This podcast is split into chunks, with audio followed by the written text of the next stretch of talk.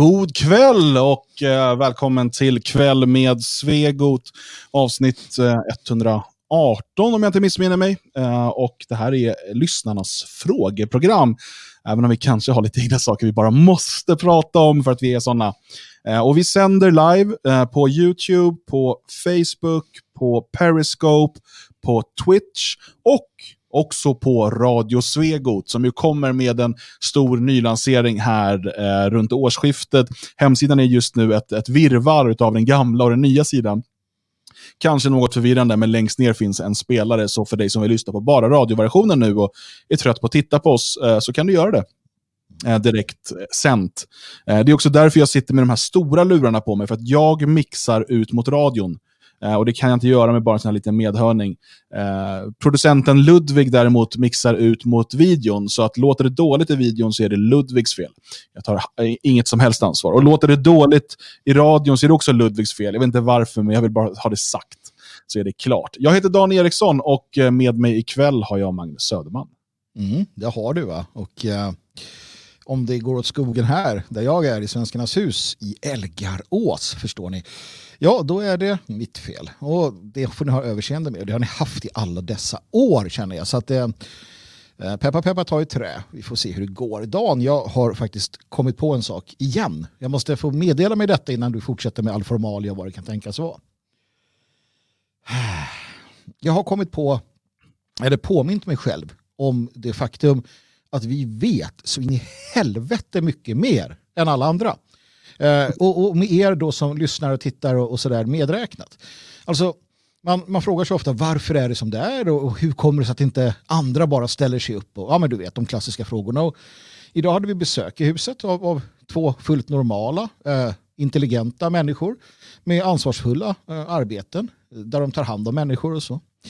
Eh, och det här är inte negativt mot dem, de är inte på vår sida av, av uppenbara skäl. Eh, men de är artiga, trevliga och, och, och bryr sig. Eh, kännande, medkännande människor.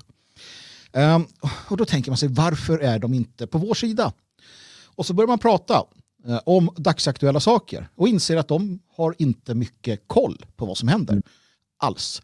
Eh, de har inte läst den senaste forskningsrapporten om covid-19 i Wuhan. De har inte läst den senaste statistiken från SCB om ungdomsrån, bla bla bla. De har inte, och så vidare, och så vidare. De har ingen aning. För dem så är det bara att nej men, alltså, de styrande gör så gott de kan och vi får alla leva med i Jämmerdalen. Det är därför det är som det är.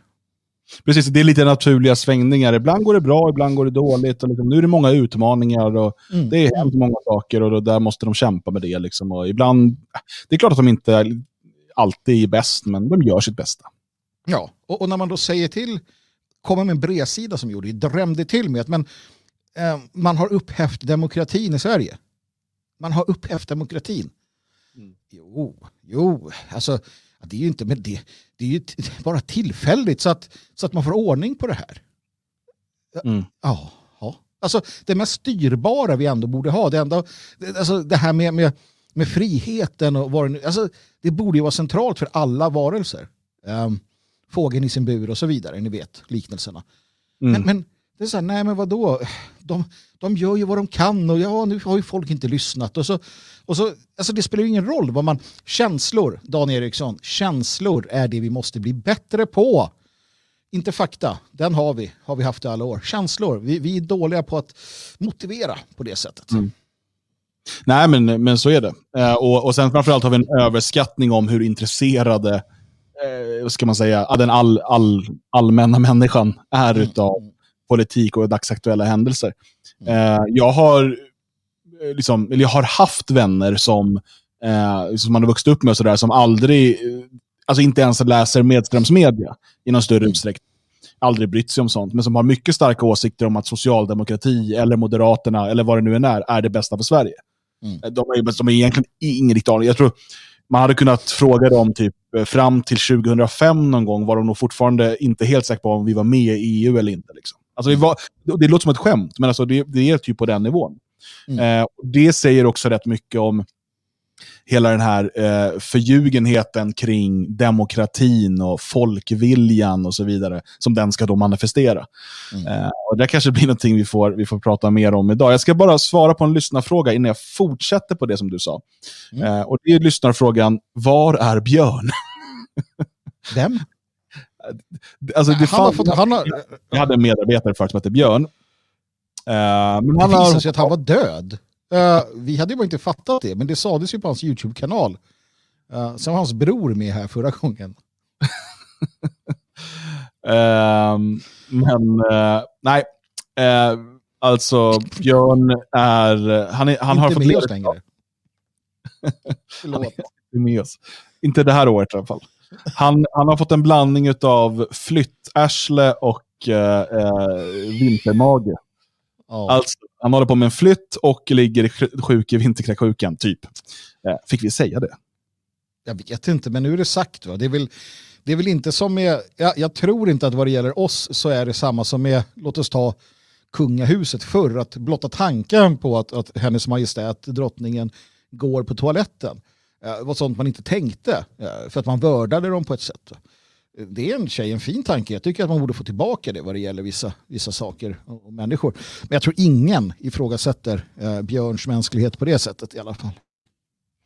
Nej, Uh, men han är förhoppningsvis tillbaka till nästa måndag. Alltså nästa år, han, jag kan jobba nästa år igen, sa Precis. precis. Uh, nej, så det, det, här är årets sista sändning, men tyvärr kan inte uh, Björn vara med ikväll och han är entledigad.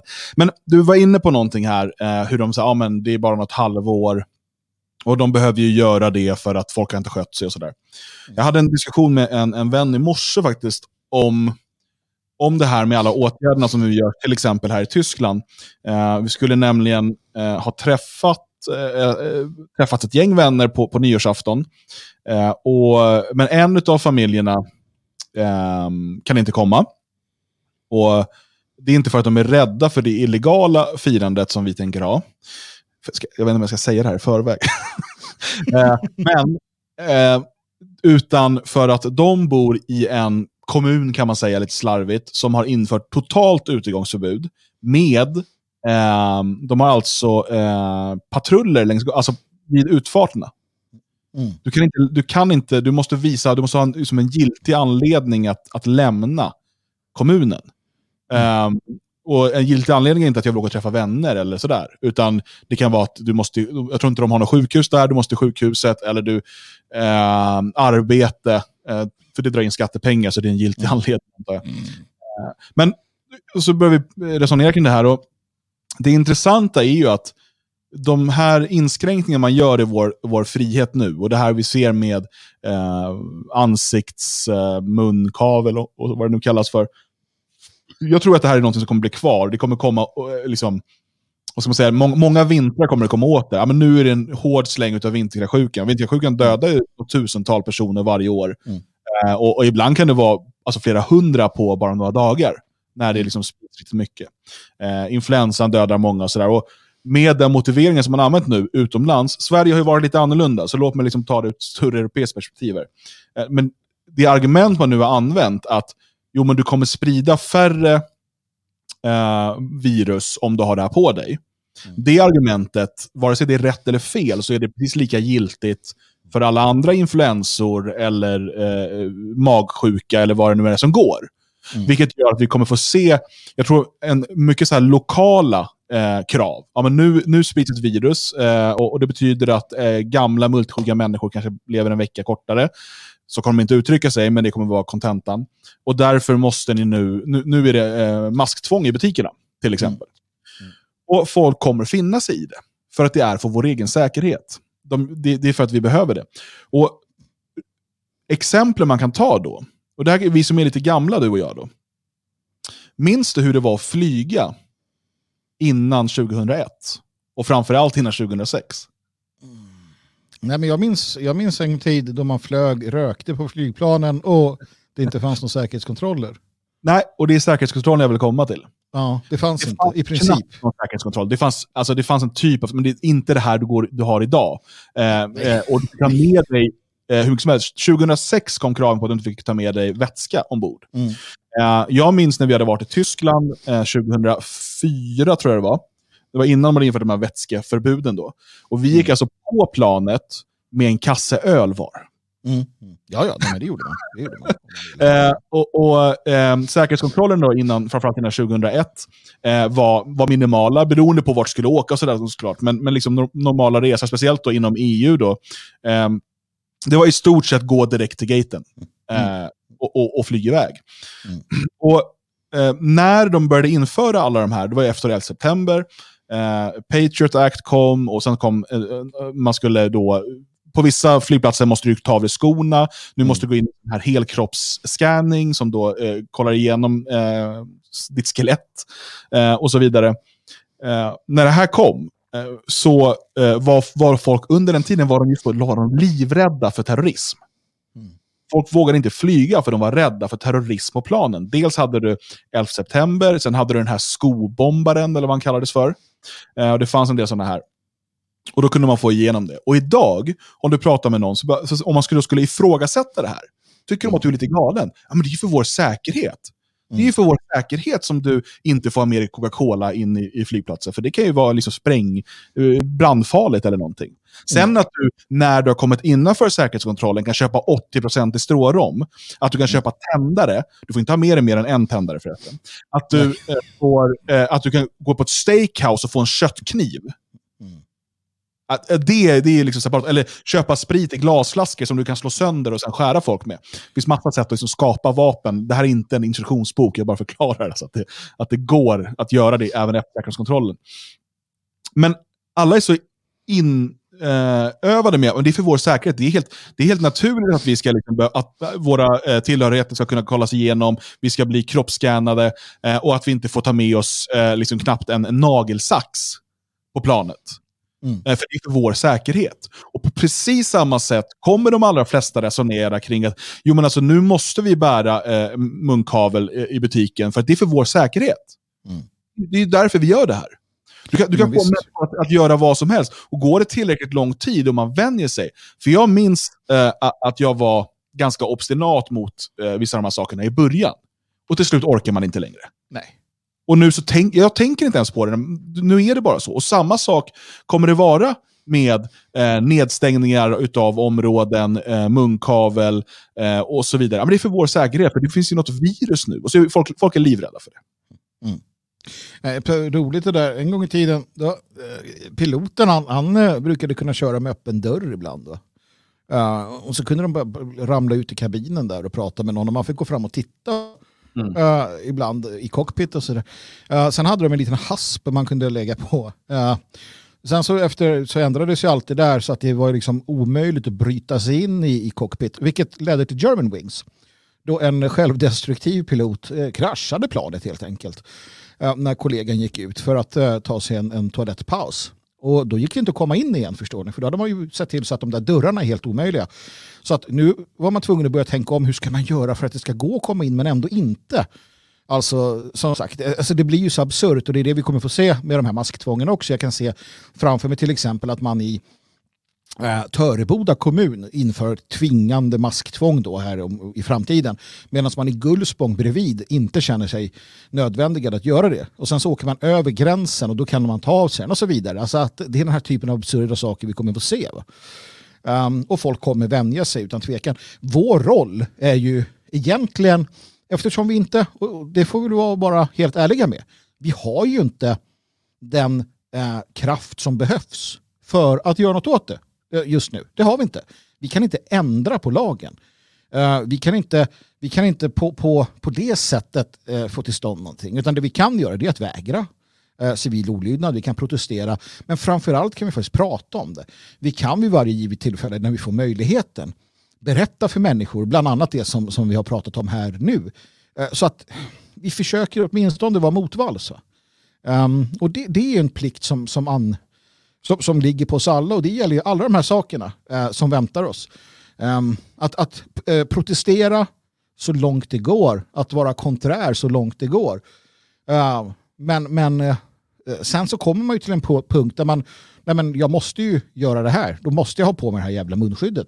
Och där får ju var och en då eh, fråga sig hur långt de är beredda att gå. Det gäller ju munskydd, det gäller vaccin, det gäller allting. Jag, jag tänker inte sätta mig till doms över någon som väljer att, uh, att ta sin sista strid uh, på grund av munskyddstvång. Uh, men, men jag tror inte att jag tänker göra det i alla fall.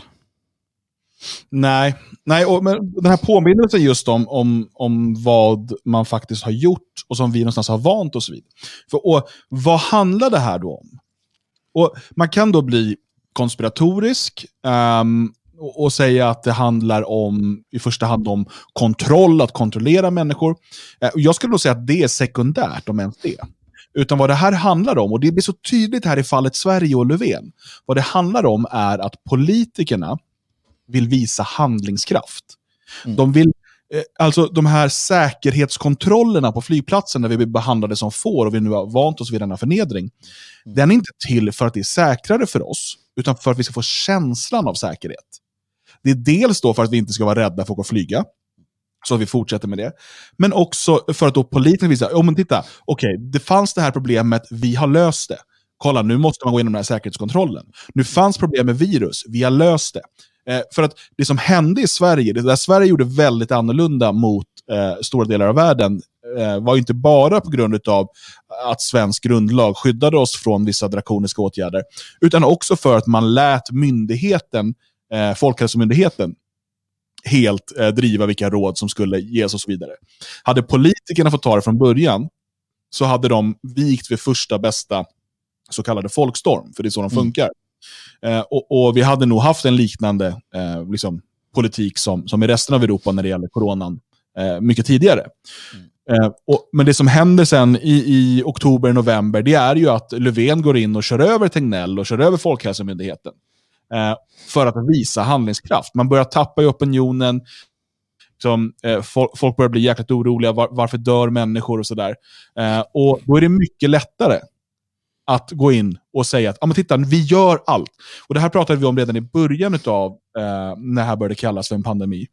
Mm. Att de här eh, eh, politikerna, det är mycket lättare för dem att göra för mycket och sen kunna säga eh, men vi gjorde allt vi kunde. Istället för att eh, som, säga då att nej men det här är ett virus, det kommer dö men det gör det liksom hela tiden. Det är naturliga, den mest naturliga delen av livet och så.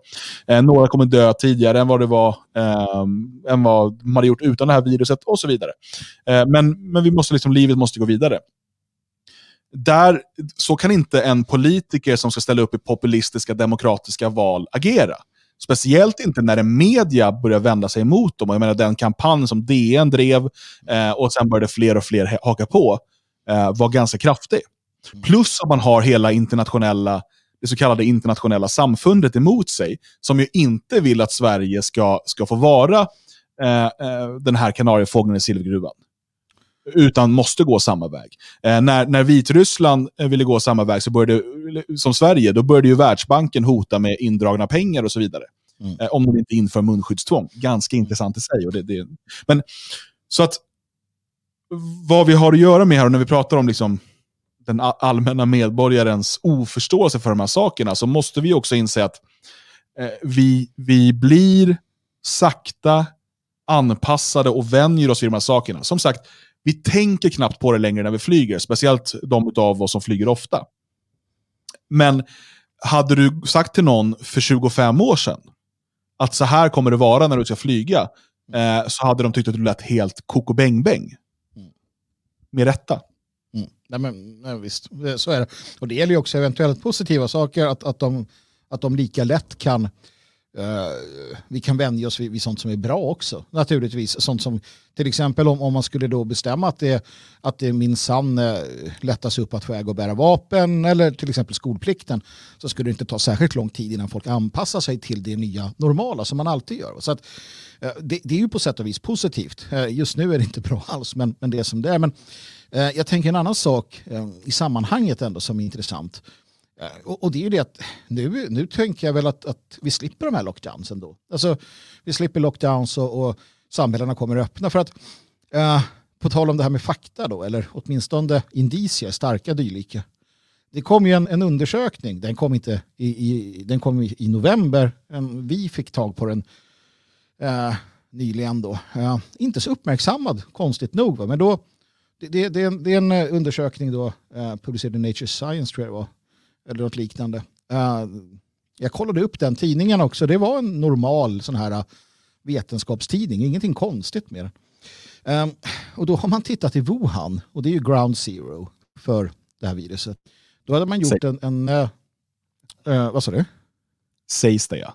Sägs det ja. Men vi, vi, utgår från det i alla fall. Någonstans måste vi ändå... Uh, och, och, gjort en, en, en, kontroll då på, på 10 miljoner människor. Man var ute efter det här med asy asymptomatiska smittspridare. Mm. Så att man, man kollade 10 miljoner människor och hittade då 1744, nej, gjorde man inte alls det, man hittade 300 personer. Mm. Det här var alltså i somras. Man hittade 300 personer som bar på viruset, eh, alltså covid, eh, coronaviruset, covid-19, sars, bla bla bla. Eh, eh, men som inte så att säga visade några som helst symptom, asymptomatiskt eh, smittade. Och sen så smittspårade man dem eh, och hittade då 1477 personer som de hade kommit i kontakt med. Så tog man de här 300 och de här 1477 eller vad det var och så isolerade man dem i två veckor. Pang tjoff.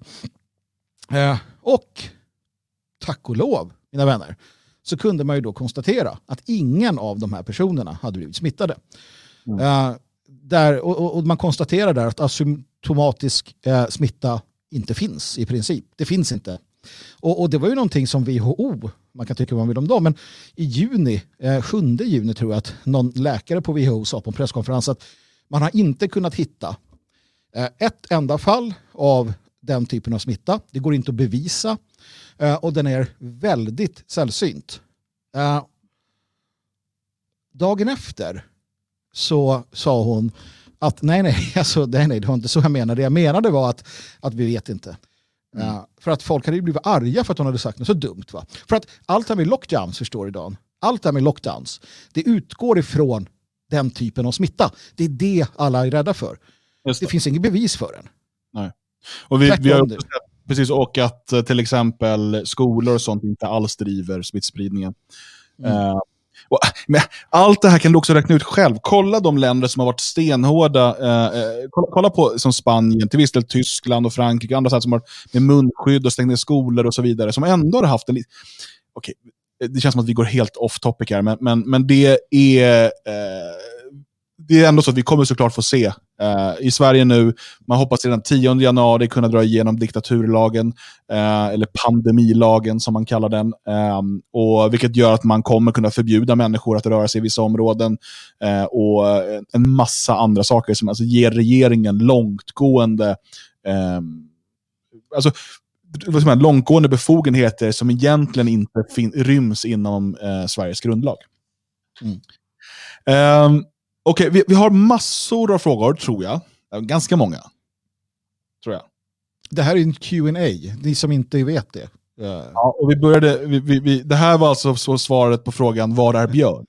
Precis. Uh, där är vi nu. Så att uh, han är inte med oss längre uh, för i år. Han kommer nästa år. Um, så det är vår producent som han har koll på alla frågor. Mm. Eh, och han kommer få lägga in frågor här nu, eller säga dem eller någonting, så vi vet vilken fråga vi ska ta. Vi får inte avgöra. Eh, vi börjar med att vi ska läsa från Wikipedia. Typ. Nej, men um, vad kan ni berätta om Klaus Schwab? Klaus Schwab är alltså från uh, Davos, vad, vad, heter det nu? Det heter... World Economic Forum. Just det, precis. Eh, och eh, The Great Reset. Eh, jag har läst eh, delar ur den här eh, The Great Reset-boken som han har, har skrivit. Eh, de, de, delar som verkade intressanta. Jag skickade några saker till dig där, Magnus. Mm. Ehm, som... Du tänkte bolla över det till mig nu, eller? Ja, jag tänker... Vi har alltså inte fått förbereda de här frågorna på något sätt, utan det bara dyker upp här så får vi liksom ta det. Jag, jag hoppas att det inte bara är sådana här frågor. Så här, eh, kan ni berätta om kvantfysikens lagar? Typ och sånt, för det... va, va, varför är Beethovens sjua så jäkla intressant? Men jag tänker på Schwab här. Um, alltså, det, det, här, den här stora The Great Reset. Det kommer ju sådana här uh, ord som vi liksom kan ta till oss. Um, nu kommer jag inte ihåg vilka det var, men på 90-talet hade vi några. Uh, och, och, så, och de betyder ungefär samma sak. Och när jag säger vi så menar jag vi inom den här oh, oppositionen, väldigt brett uttryckt. Va? Men det finns olika delar av den. Uh, man har varit orolig för, för olika saker. Uh, på, jag blev lite full i va? på, 60-70-talet så, så den, den här ah, höger eh, uh, survivalist uh, rörelsen i USA, de var helt övertygade om att uh, det fanns en konspiration där kommunisterna släpptes in i USA och utbildades av Eh, jänkare. Att man då äh, i, i de stora öknarna utbildade kinesiska kommandosoldater på att rida häst eller någonting. Äh, och jag läste senast för bara någon vecka sedan hur man i Kanada äh, tränar kinesiska soldater för ett övertagande av hela den nordamerikanska kontinenten i spåret av 5G och corona. De kommer igen. Va? Det som är intressant är att den här typen av människor som Klaus Schwab tillhör, um, vänsterliberala, progressiva, kommunister, vad du vill. Va?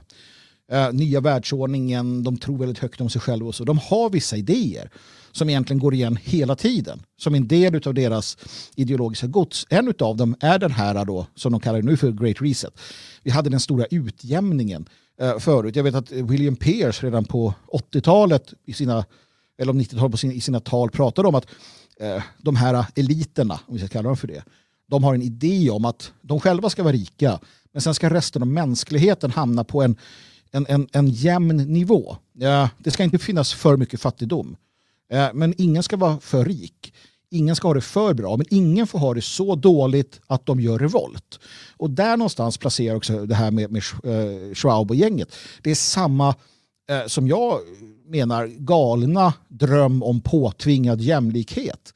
Som också mm. är liksom grunden för bolsjevismen. Och, och det där går långt, långt tillbaka. Det, det har väl alltid funnits den typen av idéer. Och de är beredda att, för om du ska, ha, om du ska få en arbetshäst att, att springa lika snabbt som en travhäst så måste du typ hugga benet av travhästen. Um, det enda sättet att uppnå den här jämlikheten, jämställdheten. Och det är det de vill. Och det här går igen årtionde efter årtionde efter årtionde. Så det här är en ny version av det.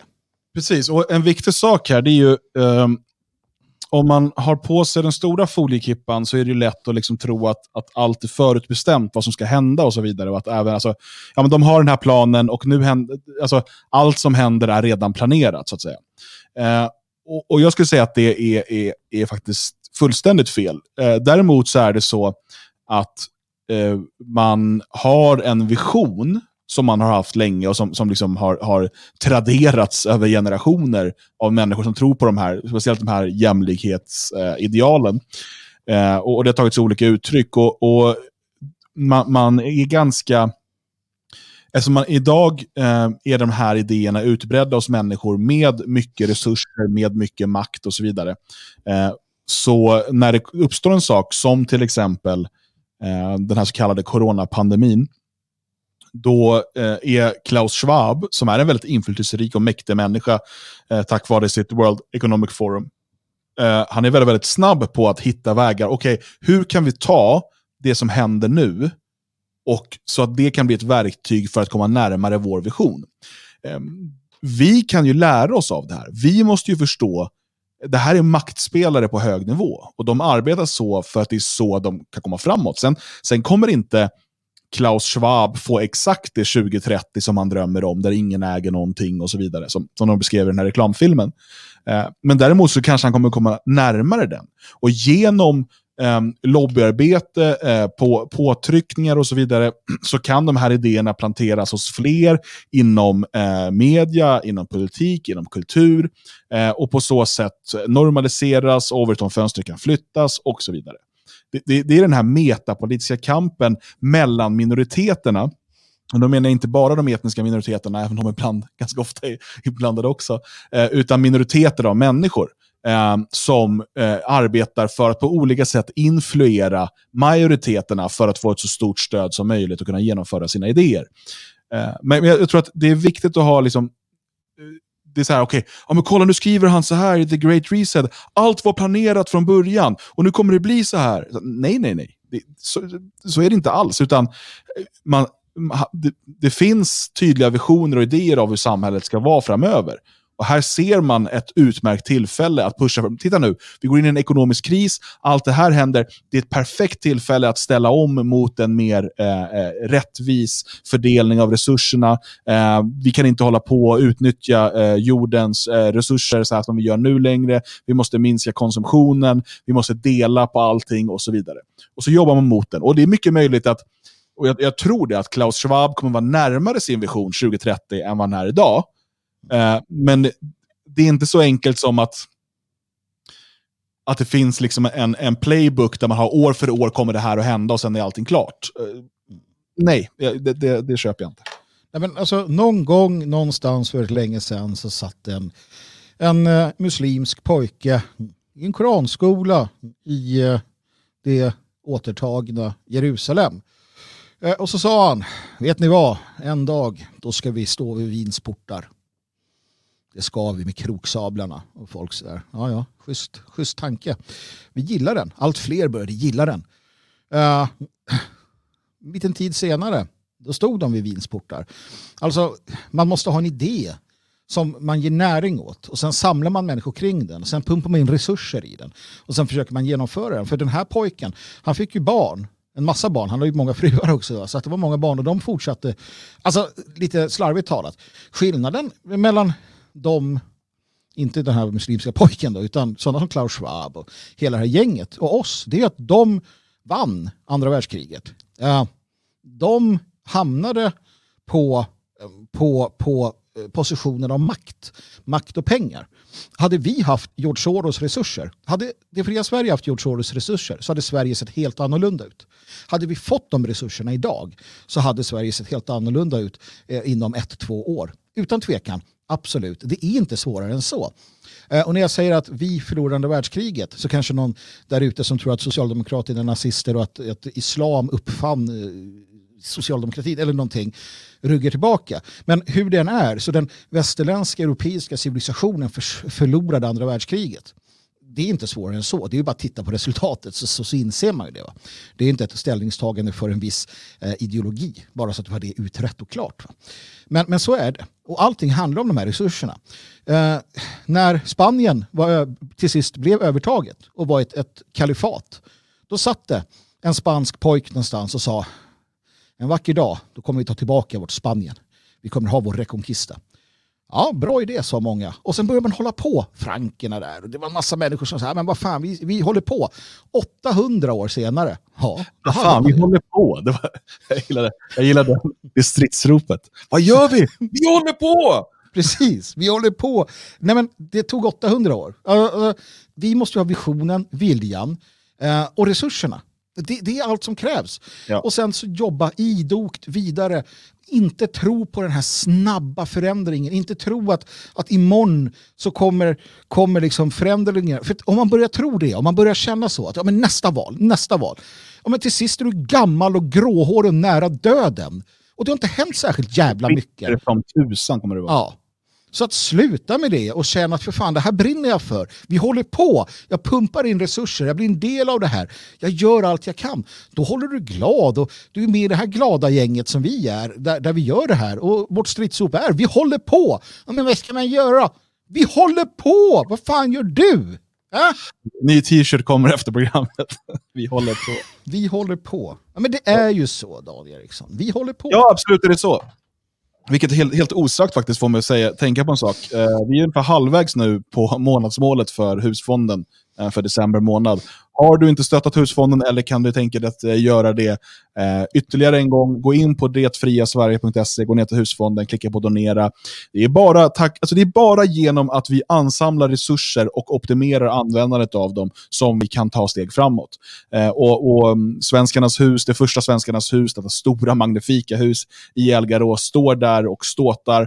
Eh, vi vill eh, kunna fortsätta utveckla det eh, och öppna fler Svenskarnas hus eh, för att ta eh, nya steg framåt. Så in på detfriasverige.se och gå ner till husfonden.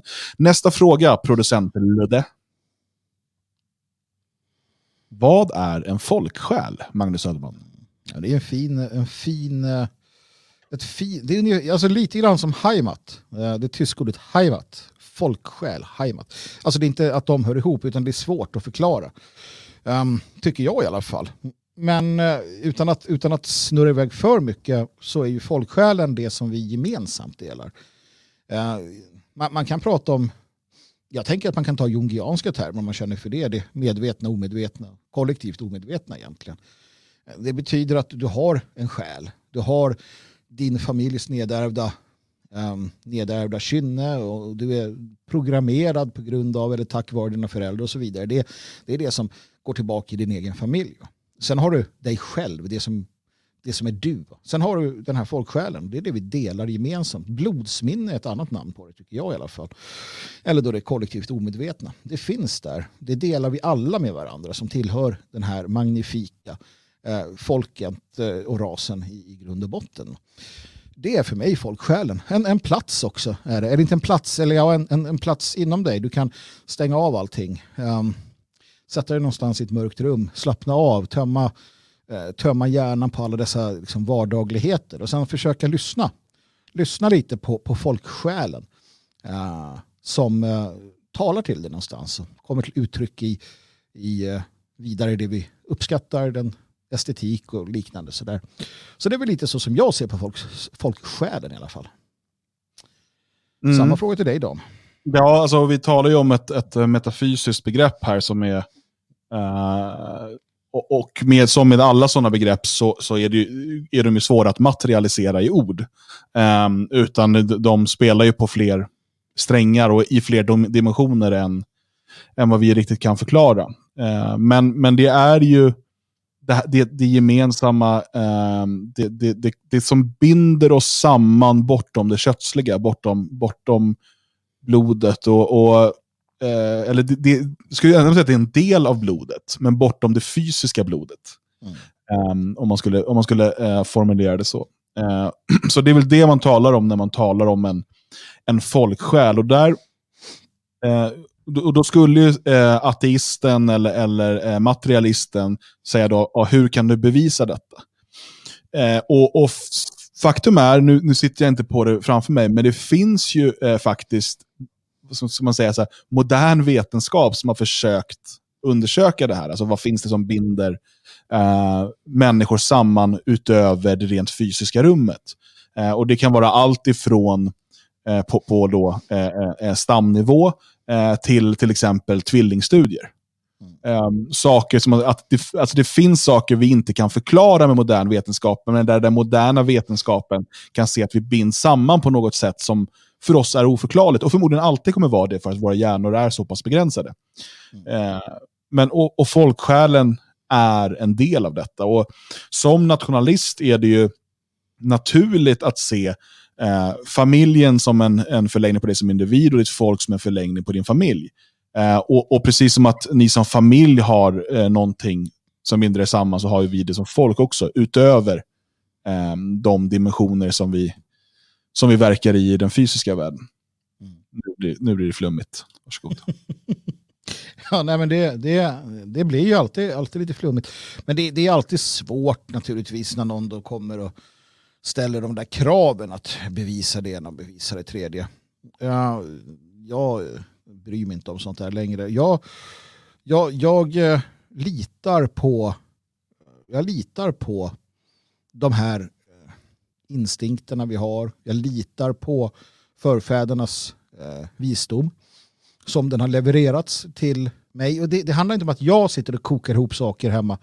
Utan det är ju att, att eh, å ena sidan tillägna sig så mycket som möjligt utav den visdom som faktiskt är traderad. Och det finns mycket. Eh, det finns eh, eh, religiösa skrifter som tillhör vår ras. Man kan läsa dem, man kan fundera över dem, man kan jämföra dem. Har du något bättre för dig i livet? Um, det kanske du har, jag vet inte. Eh, jag har i alla fall kunnat ägna mycket tid åt det och jag gör det fortfarande. Det handlar om att läsa vad andra säger, människor som man kan lita på. Eh, Guido von List till exempel, även om han är knepig på sitt sätt. Uh, du, du, har en, en massa av våra lärda, jag menar, du har ju bara den klassiska liksom, grekiska filosofin och så. Eh, tillägna sig så mycket som möjligt. Använda sitt sunda förnuft. Våga, våga tycka, tänka själv. Jag brukar ofta resonera som så att eh, man, man ska bråka med böcker man läser, om man kan. Um, när du läser någonting och så ska du kunna argumentera mot den, sitt gärna högt för dig själv. Och när du läser, vad fan, det här var dumt. Och så försöker du argumentera emot. Som sagt, gärna högt, gärna så att, så att blodet blir lite sådär varmt. Va? Det är nyttigt. Sen kanske du blir övertygad eller så kanske du inser att den här människan var ju helt knäpp. Um, mycket sånt där krävs ju. Men, men ingenting kommer till en um, gratis. Ja, ateismen gör det. Uh, för den handlar ju bara om att förneka. Uh, materialismen, den är också lättillgänglig. Det är ju bara att, att, det är bara att kasta ifrån dig liksom allting och bara eh, djupdyka i den. Men tro, um, alldeles oavsett vilken typ av tro, filosofi, alldeles oavsett vilken filosofi, alla de sakerna, de kräver arbete. Det är ingenting som den här förnumstiga personen, visa mig det då. Den, den är inte, den Har du källa på det? värdig. Ja, precis. Nej, men den är inte värdig det svaret. Den är inte värdig att låt oss sitta och resonera tillsammans. Är du beredd att sitta uh, under ett års tid tillsammans en gång i veckan och resonera om de här frågorna? Är du inte det, men varför tror du att du har något att komma med? Uh, de människorna avfärdar jag ganska omgående. Det är människor som inte söker, det är, inte, det är människor som inte intresserar sig. Mm. Jag har inte tid med dem. Om du känner dig kränkt för att du är en sån, ja det är inte mitt problem heller. Va? Det tar tid. Det, det, krävs arbete för att djupdyka och, och, och, undersöka våra traditioner, vår tro, vår kultur och vår folksjäl och, och vad du vill. Mm. Nej, visst är det så. Eh, och Det är en tid som allt fler bör ta sig. Med det också vill jag ändå ha sagt att det kanske inte är för alla. Eh, eh men, men i dagens samhälle när vi har så många intryck hela tiden eh, utav eh, meningslöshet. Eh, och jag menar, det är allt då ifrån liksom Netflix-serier och tv-spel eh, till reklambudskap, till eh, stadsmyller, till eh, allt möjligt. Eh, där vi kanske inte låter vår hjärna faktiskt, eh, och, och liksom våra tankar vandra på riktigt, för det avbryts hela tiden. Vilket behövs när när man ska försöka studera filosofi och, och, och tro och så vidare. Ja, men det, är ju så här. det är därför jag tror också att många moderna människor söker sig till till exempel yoga och meditation och så vidare. För man, man mår bra utav det.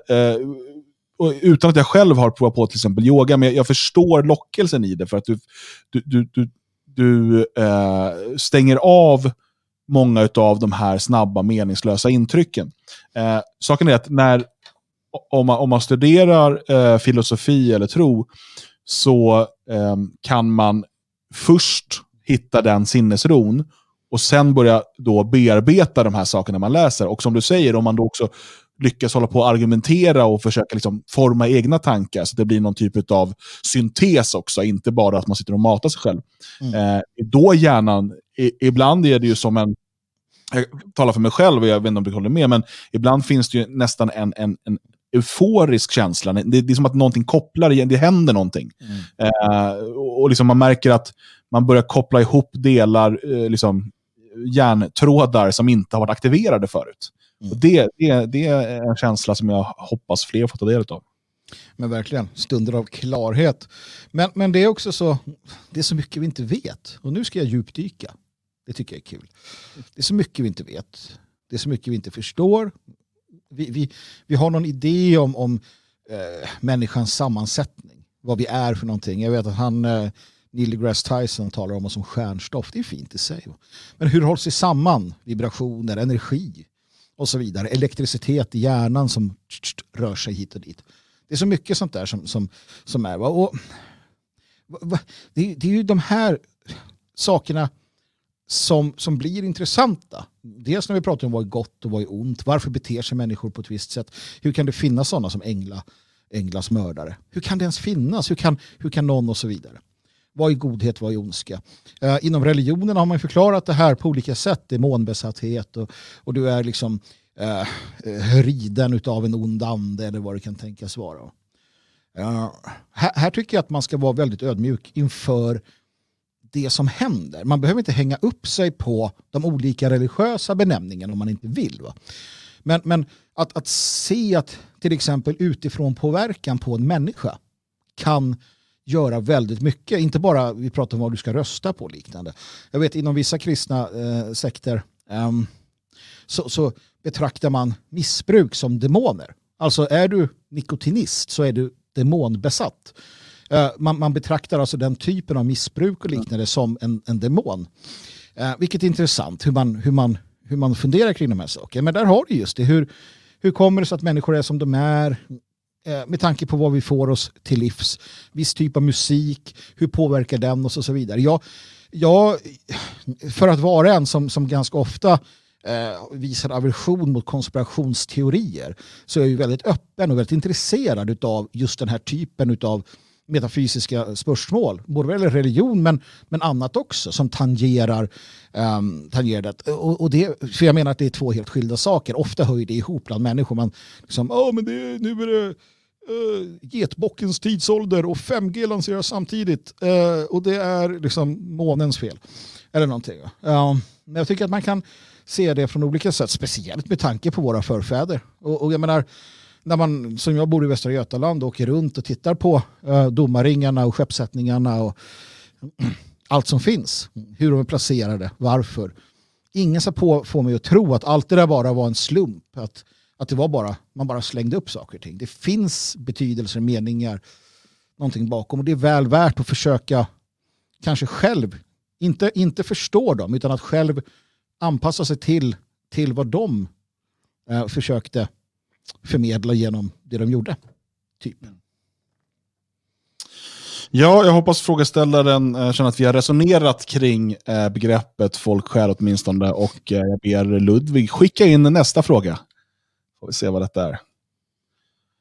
Har ni varit med om någon nära döden-upplevelse någon gång? Ja, när folk särskriver brukar jag känna det. ja. Okej, okay, förlåt. Klipp och klist. Det är klipp och klistra. Jaha, det, är, det är inte ditt fel alltså? Okej, nej, nej, men nej, vi säger det. Man ska alltid, uh, alltid från sig den där, jag tänkte det. uh, Magnus, har du varit med om någon nära döden-upplevelse? Ja, senast för någon vecka sedan när jag körde hem familjen från Töreboda på kvällen och vi kom åkande på sån här 80-väg. Och ja, jag vet inte, jag, jag ska inte köra när det är för mörkt, det har jag insett nu, eller ska få bättre glasögon. Och tanten utropar akta den där stora röven eller något liknande. Jag tänker vad fan pratar hon om? Kör vidare. Och då ser jag precis att, att eh, jag är en millimeter från ett, ett vildsvinsarsle som sticker ut och hela familjen vildsvin med pappa Galt längst bakåt över vägen. Och det är alltså det, det är så att eh, svansjäveln eh, smeker bilens front. Va? Och det var en sån där känsla som i alla fall blir en nära döden-upplevelse. Det är att, att man liksom Eh, i efterhand reagerar med adrenalinpåslag och, och de här tankarna vad hade hänt och så vidare. Så att det har man varit med om. Samma sak eh, när, när jag, höll på, jag och en kompis när vi var små höll på att sjunka med en, en, en busstermin i, i Mälaren för att det var sån jäkla storm. Va? Där kände jag också att nu dör jag. Men inte en nära döden-upplevelse i form av att något vitt ljus och sådär om det är det man är ute efter. Men många gånger, många gånger då man medvetet så här efterhand kan säga att här var det nära den där kniven som blänkte till i slagsmålet som, som var så nära att, att stickas in i liksom uh, njuren på en eller någonting. Sådana saker har jag varit med om. Själv då? Jag har också varit med om sånt där man har tänkt att, där man liksom varit nära att kunna gå illa. Um, dels sådana där, alltså med, jag har haft en pistol i munnen. Uh, jag har... Vad sjukt det gick omkring med pistol i munnen. Nej, uh, ett rån. Uh, blev rånad och fick, då stoppade de in en pistol i munnen, en, någon, någon babian av något slag. Um, jag var kanske var 15 eller någonting. Uh, och blev hotad med kniv och sånt där. Uh, och sen även en, en ganska grov misshandel där man liksom inte, alltså, där man är lite utlämnad tills kommer de sluta slå. Liksom. Mm. Um, och sen också med, jag, inte, jag har ju haft körkort väldigt kort tid själv, så jag har inte lyckats göra något så här riktigt dumt. Men, men däremot har man åkt med andra där man känt att, med någon omkörning där det varit väldigt, väldigt nära till mötande trafik. Liksom. Ja. Um, och sådär. Men, men jag har inte heller varit med om någon här nära döden, alltså där jag har då För det är väl det jag också tänker på då, att man, man, man ser ljuset på något sätt, eller att man, liksom, Mm. man är död ett tag rent fysiskt och så. Mm. Men det har jag eh, inte varit med om, så jag kan inte bidra med något där. Så vi tar nästa fråga. Mm. Får se om den är särskriven. Nej, vi gör den så här för att den kom in personligen faktiskt. Det är från Fredrik som frågar vad har staten för mandat tror ni och vad kommer man använda sig av vid eventuell tvångsvaccination? Vad har staten liksom legal rätt att göra för de som inte vaccinerar sig? Får man exempelvis liksom tvinga bort barn från förskolor, skolor och så vidare. Det var frågan jag skulle hälsa till gänget från Fredrik. Just, eh, just nu har de inga mandat alls. De kan inte beordra en tvångsvaccinering. Då måste man stifta sådana lagar. Eh, och det ingår inte ens i pandemilagen, så vitt jag har kunnat se i alla fall. Ehm, så att den delen är för tillfället ganska, eh, är vi ganska trygga ifrån. Det som däremot kan hända är ju att man gör det bakvägen. Och det är väl det vi har argumenterat för att det är så man kommer göra. Det vill säga att du får inte resa utan det här vaccinationsintyget. Eller ja, du får inte gå på eh, eh, förskolan eh, eller skolan. För det tror jag säkert man kan eh, så att säga kräva. Inte att du ska vaccineras. För det är ett sånt enormt ingrepp i den personliga integriteten. Men att om du inte gör det, fine, du slipper. Men då kommer du inte kunna ta del av det ena med det tredje. Men rent lagtekniskt så har de inte möjlighet att tvinga oss som det ser ut just nu. Nej, lagar kan ju ändras eh, bevisligen, men det man kommer göra som jag ser det, det är att man kommer, eh, man har hittat ett perfekt sätt eh, att göra det här på i och med hur man behandlar yttrandefriheten. Man lägger ut det på entreprenad. Mm. Man lägger ut det på, på, på eh, nominellt privata företag eh, att göra detta. Som till exempel flygbolagen, eh, arenabolagen, eh, köpcentren och så vidare. Mm. Sen kan de få olika incitament för detta. Låt oss konstatera, vi, vi, vi har ju läst om, det var mycket om det här med webb-tv borta från YouTube, det här är vår 71 YouTube-kanal och sådär. låt oss konstatera bara att, att YouTube, alltså Google, YouTubes ägare, har fått kraftiga skatterabatter i Sverige. Samtidigt som regeringen för några år sedan eh, kallade till möte med Google och Facebook och så vidare för att näthatet måste bort, för annars måste det till lagstiftning. Nu sitter företagen, eh, har ju ganska länge, eh, och raderar innehåll från poli den politiska oppositionen, alltså den riktiga politiska oppositionen, den utanför parlamenten, som till exempel eh, eh, Swebb-TV. Och eh, så, så tar man bort det här och så säger de att Nej, men det är ett privat företag, de får göra vad de vill. Mm. På precis samma sätt kommer man kunna argumentera med nej, men flygbolagen får bestämma själva vilka som får flyga med dem.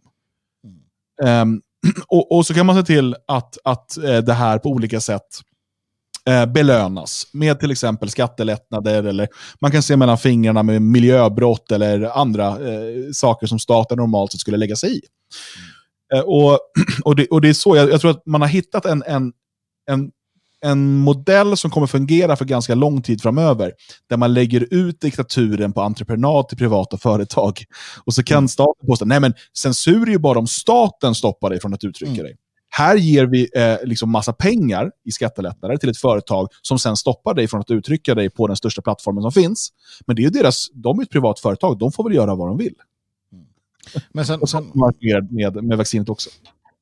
och då är frågan hur länge orkar man? Hur länge orkar man eh, stå emot detta? För det är i grund och botten det det handlar om också. Jag minns att jag en gång när jag hade skulder eh, ringde till skattemyndigheten.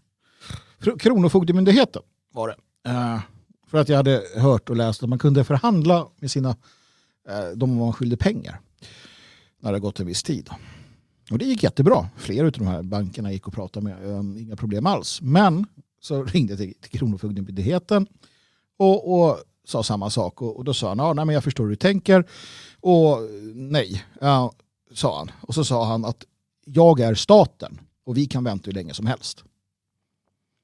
Det var i princip hans svar där. Det här var liksom 20 år sedan. Då.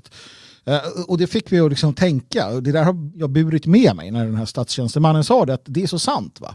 För att vad som än händer, någonstans så är det givet att staten består um, i någon form. Och, och, det krävs ganska mycket för att den inte ska göra det. Uh, och det kan vi också komma till i framtiden, hur det ska kunna liksom bytas ut och ändras och så. Men staten består någonstans. Och samma sak här. De kan införa de här, ja, men om du inte, nej men då reser inte jag. Nej. Skit dit då. Alltså om du säger, ja men då, då tänker jag sitta i min stuga i skogen. Ja, gör det. Du kan inte åka och handla på Ica och sådär, men du får väl göra vad du vill. Alltså, de nöter ut människor. Till sist kommer du åka till Ica och då säger de om vaccinationsintyg och då säger du vänta lite. Och så pff, klart. Så, bra, välkommen att gå in och handla. Um, det, det, är så de gör, de nöter jo, ut men det är oss. Som med, med liksom säkerhetskontrollerna på flygplatsen. Mm. Man, man orkar inte bry sig längre. Alltså, det, man måste, eller måste man, jo, man måste ändå resa. Liksom. Man har saker som behövs göras i sitt liv eh, som kräver att man reser. Och då, mm. Eh. Och, och, det här kommer, som sagt, det kommer läggas upp på entreprenad. Vissa stater kommer va, ha andra metoder, men Sverige har ju varit väldigt duktiga på det här. Eh, och där kan man ju se en skillnad mot till exempel hur Polen nu agerar mot sociala medier. Där man säger mm. att om ni börjar radera saker som är lagligt enligt polsk lag, då kommer ni bötfällas. Eh, och det går ju att göra åt det hållet också. Men Sverige har ju liksom helt andra hållet. Ni får pengar av oss, alltså kraftiga skatteavdrag. Och sen får ni era händer smutsiga när ni börjar eh, stänga ner oppositionella röster. Och vi kan bara säga nej, men det är ett privat företag. Mm. Men det är ju det här... Men, för vi kommer kanske in på det här med SvebTV och det. Eh, det är ändå så att samma människor som resonerar, och, och, det är bara att titta på till exempel Twitter nu, hur vänstermänniskor hyllar detta och säger att det är ett privat företag, de gör vad de vill. Eh, de skulle aldrig tycka att det var okej okay att, att, att bageri vägrar baka en bögtårta, som i USA, Nej. där man till böter. Eh, eller att eh, jag öppnar en, en restaurang och säger att här får inga, inga svarta komma in. Mm. Nej. inte. Jag är ett privat företag, men jag får inte välja det själv. Eh, så, så det, det, argumentet håller inte. Och, och det, jag såg att några har liksom diskuterat det här. Ja, men det där är medfödda egenskaper, sådana får man inte diskriminera på. Okej, okay. men eh, låt oss då eh, ha ehm, en restaurang i Stockholm eh, där vi säger att eh, liksom, ehm, judar och muslimer är inte är välkomna. Mm. Det är inte medfödda egenskaper. Mm. Eller? Det är lika medfött som det är att vara nationalsocialist. Mm. Får man diskriminera för det? Nej, det får man inte. Det spelar ingen roll att det är privat företag. Det är klart, det är, det är bara det är, det är, ett argument man använder för att lägga ut diktaturen på entreprenad. Men, men det är ju det här äh, som vi har sett och, och, någonstans så tror jag att de är medvetna om det själva. Äh, sådana som, som liksom, äh, Mattias Våg eller andra, internationellt sett den, den typen av människor. Äh, för 20 år sedan så slog de sönder Göteborg för att demonstrera mot globaliseringen idag så sitter de alla och, och liksom eh, storföretagen, stora mediehusen ja, är en del utav, av globaliseringen. De har kastat helt om sig. Eh, sen finns det, det finns naturligtvis ärliga vänster, vänstertyper också som inte har valt den vägen. Det finns det, absolut. Eh, vilket till exempel Expo ondgör, har ondgjort sig om eh, när de ser den här framväxten av en, en nationalistisk vänster. Men alldeles oavsett så, så är det ju så det är. Och de har blivit bankchefer. liksom, de, de, har lyckats få Mastercard och, och börja fundera över att de måste införa en, en, en, så här att ska du få ha det kortet så måste du skriva under någon jävla idé om att du, du står för en värdegrund, annars får du inte ha det. Och så vidare och så vidare. Va? Um, så att det, det, är ju, det är ju spännande att se den utvecklingen ändå, måste jag säga. Att, att, att de har liksom vänt så mycket. Mm. Och de kommer vara, den dagen det vänder åt andra hållet, för det gör det förr eller senare, så kommer de stå där lika oförstående som vanligt och, och kräva att vadå, vi ska väl ha rätt att, att ha, ha uh, YouTube-konton och då kommer ägaren som är en, en hårdför nationalist så här, nej, nej. Jag menar, någonstans så är det så där ser det ut. Va? Jag, själv är jag inte för att stänga ner på det sättet. Eh, I vilket fall som helst faktiskt. Jag gillar yttrandefrihet. Låt oss bara resonera vidare kring den här Puckas webb-tv. För ett annat argument eh, som, som kommer eh, från de som, som hejar på, på det här, det är att ja, men ni får väl skapa er egen plattform. Då. Ja. Alltså, om det, inte du, det, det är ett privat företag, eh, de får ha vilka regler de vill. Så att du kan väl, man kan väl starta en annan ett konkurrerande YouTube. Då. Om vi bortser ifrån liksom, problemen med en närmast monopolliknande ställning, som dessutom våra myndigheter använder sig av för information till allmänheten. Mm. Alltså, de använder eh, YouTube för att lägga upp information som ska nå... Alltså, vi, vi bortser från de bitarna. Så är det någonting som vi har talat om här i många, många år i olika program. Och det är eh, internetpyramiden. Mm. För vad händer om du försöker starta en videotjänst med eh, full yttrandefrihet? Eh, inom till exempel, man, man, man måste ändå följa respektive stats eh, lagar, men utöver det full yttrandefrihet. Det som händer är att eh, det första du kommer stöta på är att du kommer inte kunna ta betalt för dina tjänster. Eh, för att det kommer vara svårt att få det här reklamfinansierat för att företagen kommer utsätta, som annonserar kommer utsättas för eh, eh, mediadrev eh, som kommer känna att något är för riskabelt och det kommer kosta för mycket. Så då måste du finansiera det genom donationer och eller prenumerationstjänster, precis som vi finansierar vår verksamhet. Mm. Det som händer då, Eh, och det har vi sett med allt ifrån eh, eh, BitChute till, till Gab, till alla de här tjänsterna som har, som har provat att göra det. Det är att du förbjuds använda eh, betaltjänsterna. Eh, till exempel Paypal eller eh, kortprocessorer. för eh, och, och det vi såg på Patreon, som var en sån här tjänst man kunde använda, det var ju att där gick Mastercard in och sa till Patreon, ni måste ta bort den här personen från Patreon Annars kommer ni inte kunna ta betalt med Mastercard. Mm. Då sitter de. Och det finns såklart ett lager ovanför det här också. Så att du, och det som händer utöver det, det kan vi se väldigt många nationalistiska eh, organisationer, både i Sverige och utomlands, som blir av med sina bankkonton. Du får inte ens ha ett bankkonto. Och då kan du sitta och säga där, ja, men bygg, din egen, eh, bygg din egen plattform. Okej, okay, man har försökt det. Nej, okej, okay, bygg din egen eh, betaltjänst då? Ja, det byggdes ju alternativ till Patreon till exempel. Och då kom kortföretagen in och stoppade det. Som, som kontrollerar liksom 99% av marknaden.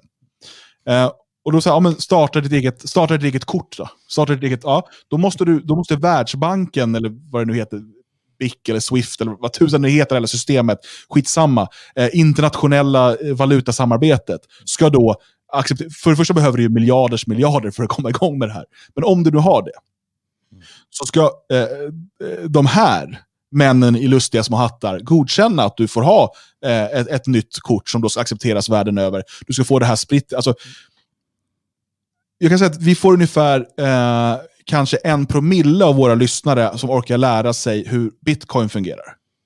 Knappt. Men, vi, vi har ju försökt en gång i tiden. Ja, eh, det, är liksom, det tar fem minuter av ens liv eh, och det är för jobbigt att investera i för att man vill liksom, det ska vara bekvämt. Det är som det är, jag orkar inte ens gnälla på det, det är som det är. Men när vi vet att det är som det är, och det vet de som har makten också, det är därför det är så effektivt. Det är därför det är så effektivt. Så att, att bara säga att det är en privat plattform, ni får väl starta en egen plattform. Nej, det går ju inte. Och vad händer med andra eh, plattformar? Kolla vad som händer med, med, med sajten Daily Stormer. Man kan tycka vad man vill om den. Vi har kritiserat den här eh, tidigare. Det är inte relevant. Det som händer är att man alltså beslagtar domännamnet. Man förbjuder, eh, eh, och, och, när vi pratar internet, ehm, internetpyramiden, så har du alltså domännamnen eh, som då pekar till ett IP-nummer via en så kallad um, ehm, DNS-server. Och man då förbjöds via DNS-servern. Alltså, du skulle förbjudas kunna besöka den här sajten. Eller den här sajten, du är förbjuden att kunna skicka information ut till dig. Trots att man inte har dömts för något brott. Enligt amerikansk lag, där um, sajten drevs. Mm. Så, alltså, det, det, det, här, det, det, är sånt, det är sånt skitsnack. Eh, men återigen, man har lagt ut diktaturen på entreprenad så kan Stefan Löfven och Morgan Johansson hålla, liksom, säga att ja, men våra fingrar är rena, det är privata företag, de gör vad de vill, starta er egen plattform. Mm. Men, men det är också värt här nu att uh, förstå, precis som jag såg någon som skrev det, att det känns så jävla... Man känner sig så maktlös, och det är man. Uh, som, som individ är man ju det. Definitivt. Uh, och, och där måste man då kliva in och, med två saker. Två saker vill jag säga. Det första är att, att äh, det kommer att ändra sig. Det, det, kommer göra det. Jag vet inte hur. Jag vet inte hur det kommer se ut. Um, jag vet inte på vilket sätt. Men jag vet att det kommer inte vara så här för evigt.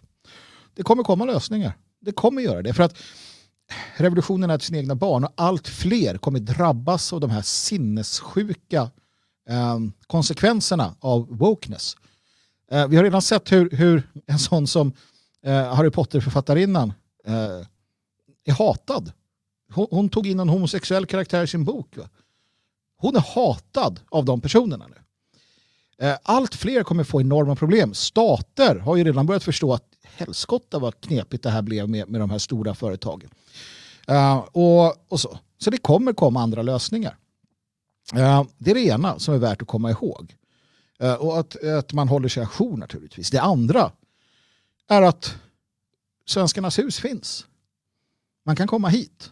Eh, också den dagen, om den kommer, vilket jag inte hoppas, att vi får de här enorma problemen. Vi har haft en del problem tidigare med motgift och sådär. Vi vet att det kan hända. Men var och en av våra medlemmar, eller var och en av er prenumeranter på, på det vi gör, eller var och en som tycker att vi gör ett bra jobb, ni kan komma hit. Ni kan komma hit till oss och överlämna den donationen eller det som behövs för att vi ska kunna fortsätta arbeta. Ni kan komma hit med en väska med pengar, om ni vill alltså. Uh, gör det. Vi, ja, gör gärna det. Nej, men, saken är att vi gömmer oss inte. Och, och vi har tänkt ut detta. Uh, sen är det upp till var och en att lyfta på röven och ta sig hit naturligtvis. Eller de andra hubbar som, som växer fram runt om i det här landet. Eh, men vi vägrade, och det var själva grundidén med det här, vi vägrade bli en, en liksom eh, en, en, en, en plats som inte finns på riktigt. Utan vi finns på riktigt. Och vår avsikt är att fortsätta finnas på riktigt. Och då kan alla människor, när ni blir avstängda från era eh, mejladresser eller när ni inte får och så vidare och så vidare. Istället för att, eh, istället för att sitta hemma och, ja men skitsamma, nu finns inte här, nu tittar jag på Netflix eller Pornhub. Så kan ni komma hit. ni kan komma hit och prata och lyssna och, och vara med och bygga någonting. Eller där hemma där ni bor så kommer vi till er.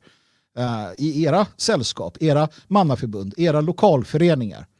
Och, och sätter oss där.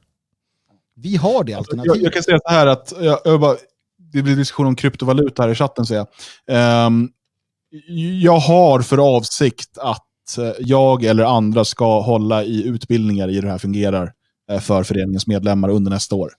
Ehm, det, det, det, är en av många saker vi vill, vi vill göra under nästa år. Eh, men jag vill bara säga det också, att, bara för att fortsätta på det här med pyramiden. Det finns också det finns också de som har tagit det här steget längre och sagt vi lämnar helt ert system och vill bygga upp en egen, alltså en eget, ett eget finansiellt system. Gulddinaren, eh, riksmarken och så vidare. Eh, det har startats grymma krig mot dessa människor av väldigt, väldigt eh, mäktiga intressen. Men det är inte sagt att vi aldrig kan frigöra oss. Missta inte detta. Men man måste förstå lögnen när man påstår att det här handlar bara om ett privat företag, du kan starta ett eget. Alla, som att vi lever på någon typ av fri marknad i, i någon fri värld, yttrandefrihet. Och det, det är ju samma möjligheter för alla.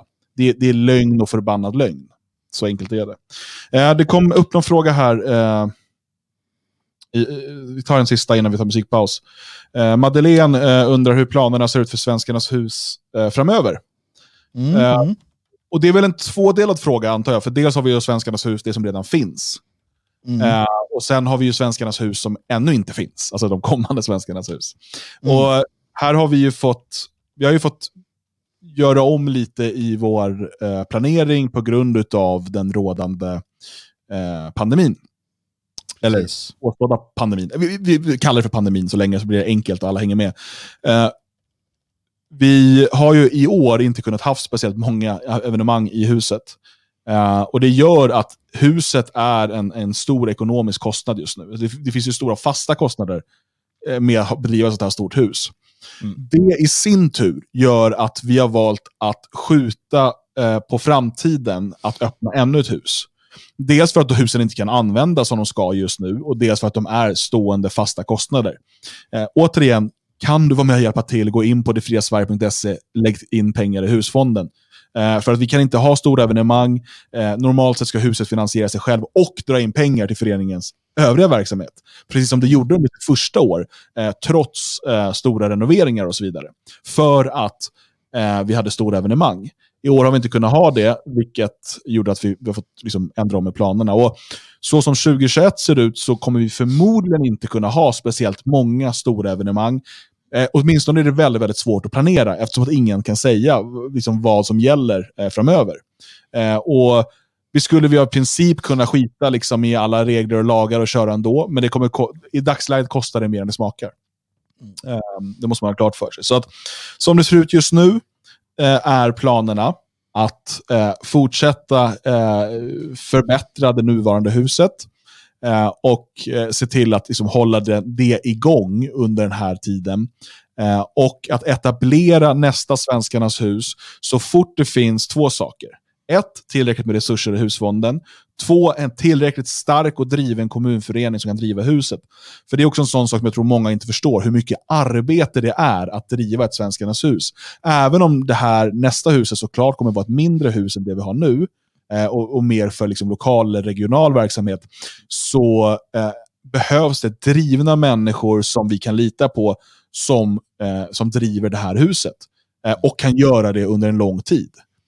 Så eh, nu håller, nästa år är stort fokus på att um, etablera kommunföreningar runt om i landet, få fram människor som visar sig vara pålitliga och drivna, som visar framfötterna. Uh, och uh, jag hoppas och tror att nästa Svenskarnas hus öppnar upp portarna 2022. Mm. Um, ja, vi hade planer på att öppna det redan i år. Vi hade till och med lagt undan resurserna, vi hade kollat ut ett område, vi var till och med och kollade på hus. Mm. Alltså vi, vi, vi var så nära, så att säga. Och sen slog det här till, vilket gjorde att vi visste inte hur ekonomin skulle utvecklas, vi visste inte liksom vad som hände, vi fick sätta allting på paus. Eh, och Det realistiska nu det är att 2021 används till att bygga upp strukturen i föreningen, används till att bygga upp resurser och ekonomi i föreningen, så att vi kan slå till med en ordentlig, eh, en ordentlig eh, fri svensk knytnäve 2022 och förhoppningsvis öppna upp någonting då. Mm. Det, det, är ju många som frågar och jag, jag är glad över att det drivet finns. För att det är ju lite som så att vi vill fortsätta och, och man vill inte liksom att saker ska gå i stå som det har lite grann gjort på grund av eh, den här pandemin. Eh, men det är också där värt att och, och faktiskt bara koppla tillbaka till när vi grundade föreningen och vad som sades på det mötet, den presskonferensen eller vad du vill kalla för. Eller vad som står i vår visionsskrift, det som vi alla har bestämt var en bra idé när vi gick med, när vi läste om föreningen och idéerna och vad vi, vad vi vill. Där är det tydligt att vi inte känner det här tvånget att allt ska gå så himla fort. Uh, vi känner inte att, att vi måste liksom ut nu, göra det här, vinna där, den och den segern där. Utan det är ett generationsprojekt. På riktigt ett generationsprojekt. Det var ingenting vi sa bara för att, inte vet jag, det är en jävligt dålig USP i denna tid också för den delen. Så, för det vi tror på det. Jag tror på att lämna vidare ett stabilt bygge till mina barn. Och att de lär sig detsamma till sina barn, lämnar detsamma till sina barnbarn. Um, för min del så spelar det ingen roll, även om jag vill ha många hus. Men det räcker med en handfull under min livstid så att mina barn och barnbarn kan bygga vidare. Jag vill ha många, men jag vill att de ska stå fast. De ska vara starka. Och föreningen, de människorna som driver dem ska ha samma, eh, samma liksom idé och tanke och fasthet så att vi vet att vi har kvar dem över tid. För att vad spelar det för roll? Det här är inte för vår skull. Det här är inte för att du och jag ska känna gud vad, vad bra det är med de här. Eh, det gör vi naturligtvis. Det är bra för oss. Att vara medlem är bra för, för individen. Man tjänar på det till och med. Det, det, det är inte illa. Men det är ju också ett generationsprojekt och det är väl värt att komma ihåg i, i sammanhanget faktiskt. Jag, jag, gör allt jag kan för att påminna människor om det. För det är lätt att dras med att det måste hända nu, nu, nu. Då. Men eh, det får gärna hända imorgon också. Mm. Helt klart. Vi ska ta en uh, musikpaus och vi kommer att spela um, en uh, ny låt relativt ny låt ifrån eh, Eric Clapton, skriven av Van Morrison, som är en protestlåt mot lockdown och eh, eh, coronarestriktioner. Ja, faktiskt. Det finns i de här etablerade, jag skulle nästan säga, eh, Clapton kan man väl säga vänsterkretsar, eh, så finns det den här typen av motstånd också. Lyssna på texten eh, och eh, vi är snart tillbaka.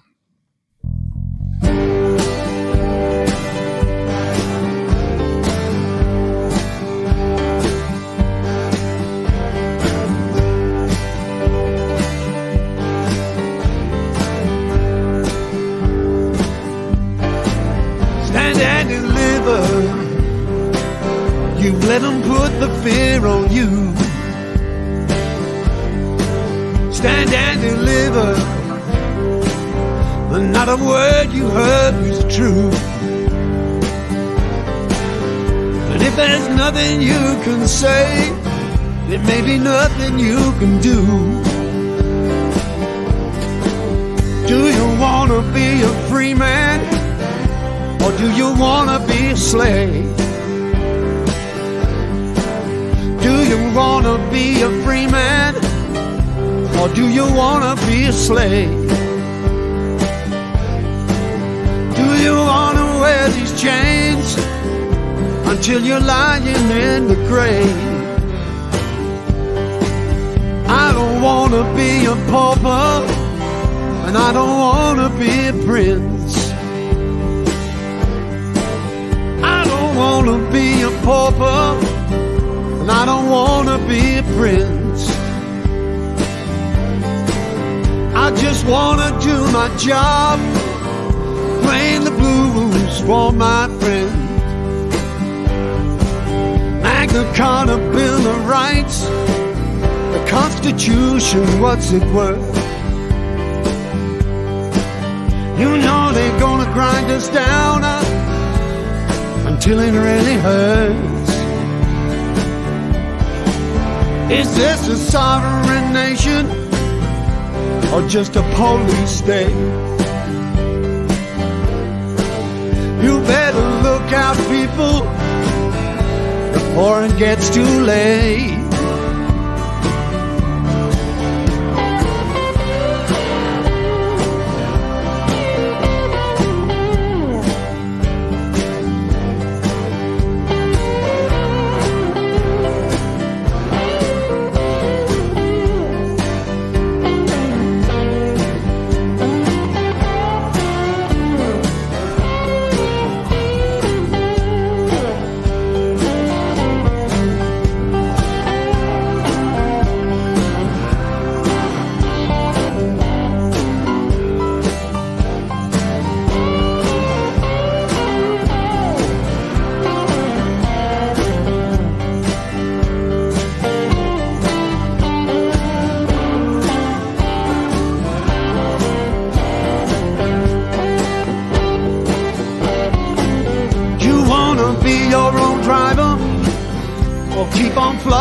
Dead horse?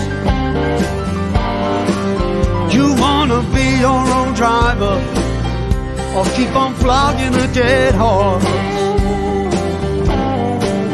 Do you wanna make it better or do you wanna make it worse? Stand and deliver. You let them put the fear on you.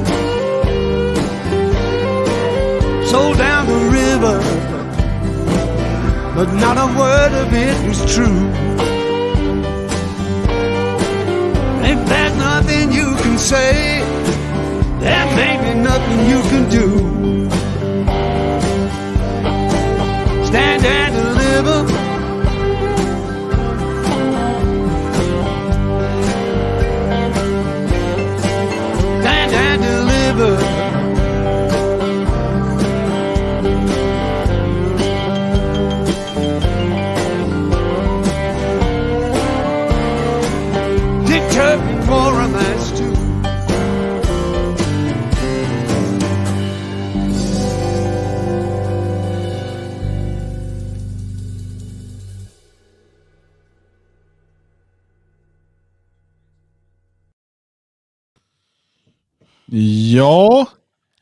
Se där.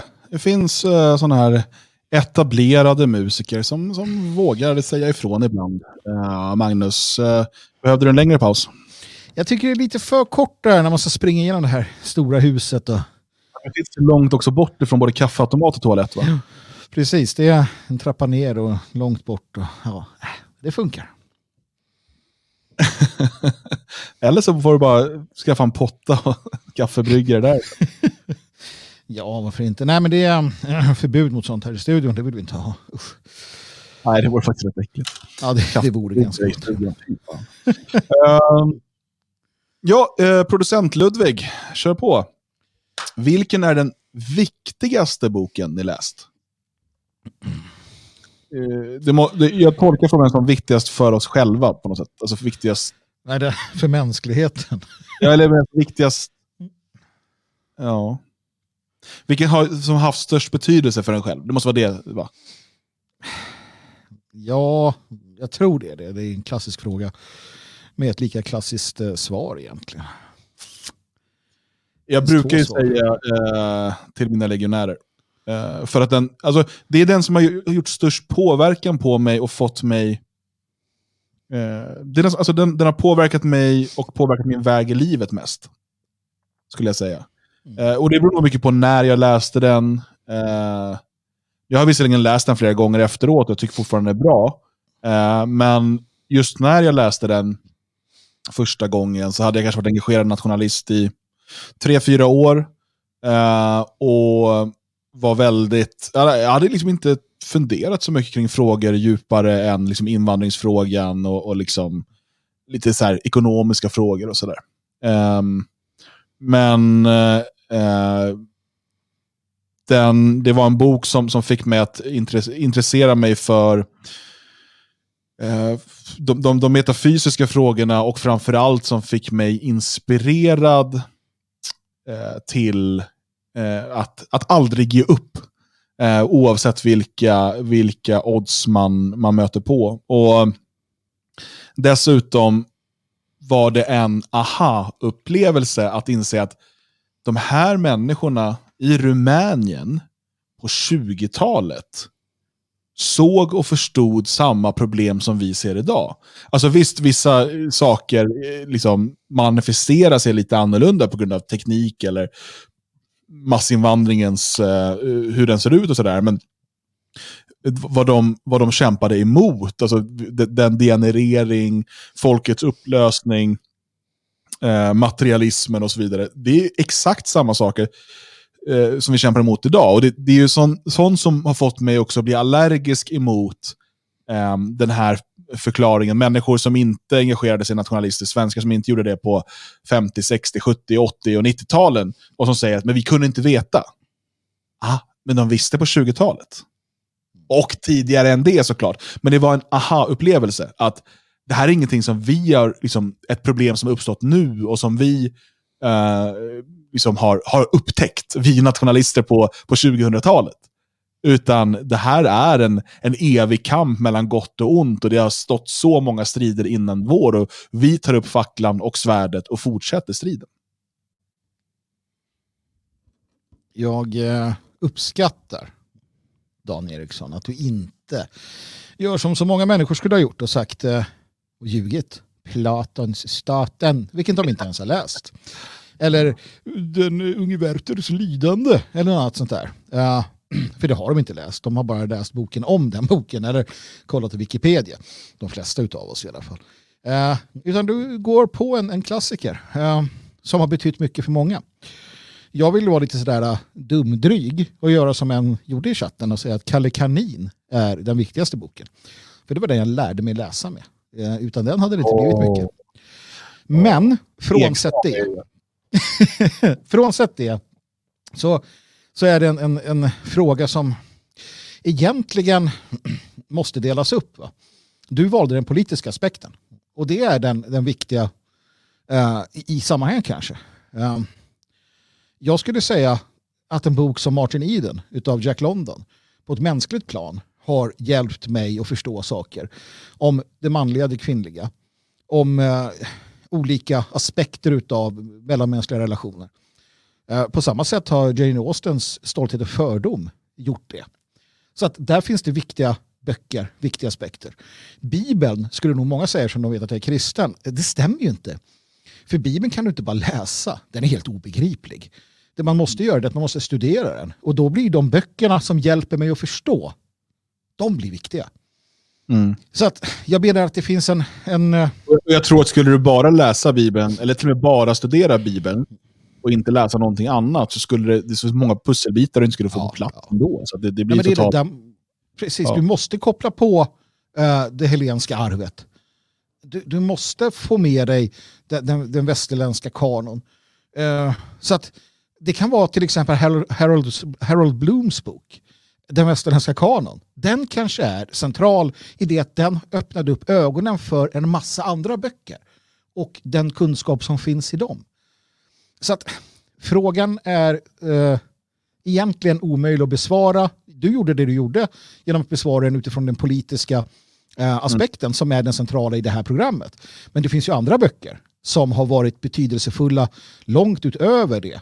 Men som handlar alltså, om helt andra saker. Böcker som har påverkat ens privata relationer. Alltså för att man som kanske har lett fram till att man är gift idag med den man är gift med. Alltså, mm. Det är svårt att veta, det är lite fjärilseffekten visserligen, men, men det finns ju saker som har gjort att man, man har förstått, fått en större förståelse för hur människor fungerar, resonerar, agerar. Eh, vilket har gjort att man kanske har närmat sig vissa människor på ett annat sätt. och Så mm. Så de har varit viktiga på det sättet. Och, sen kanske, jag menar, man kan dra det hur långt som helst, men jag skulle nog ändå säga att eh, det, jag, om, jag, om jag måste hitta någon som jag tror har haft störst, alltså som, som har ändrat riktning för mig i mitt liv, så är det till mina legionärer. Alltså där, där, där, det finns ett tydligt före och efter. Eh, mm. Allt annat blir mycket så här, ja, det där gav en pusselbit där, där en pusselbit där. Men jag vet precis hur jag förändrades av det. Mm. Eh, och, och liksom hur det fick mig att välja en annan väg i livet än den väg jag var på väg på just då. Mm. Ja, men det, det, det, köper jag och jag, jag kan faktiskt inte hitta någon sån um, på det sättet. Allting följer på. Alltså, jag har ju inte haft den där jag avundas ändå människor lite grann att de kan så här, ja men där valdes vägen. För min del så, det har ju bara varit så. Du är fortfarande autist och bara varit ner den där vägen. Ja, ja. Precis. Jag söker kartboken. Nej, men då tror jag att, att eh, förutom Kalle Kanin, när jag, läst, när jag hade lärt mig att läsa, så den första bok jag läser, den första riktiga bok jag läser, um, det är Sagan om ringen uh, på engelska ja, jag var tvungen att lägga till det bara för att vara lite sådär duktig. Och den läser jag ganska... Jag menar med riktiga bok. Jag hade satt något sommarlov där jag slukade fem böcker. Är det riktiga böcker? Var det fem böcker eller var det fem böcker? Fem, fem. Du vet vilka jag menar va? Fem. ja, ja, fem, fem böcker. Uh, nej, men det är inga riktiga böcker.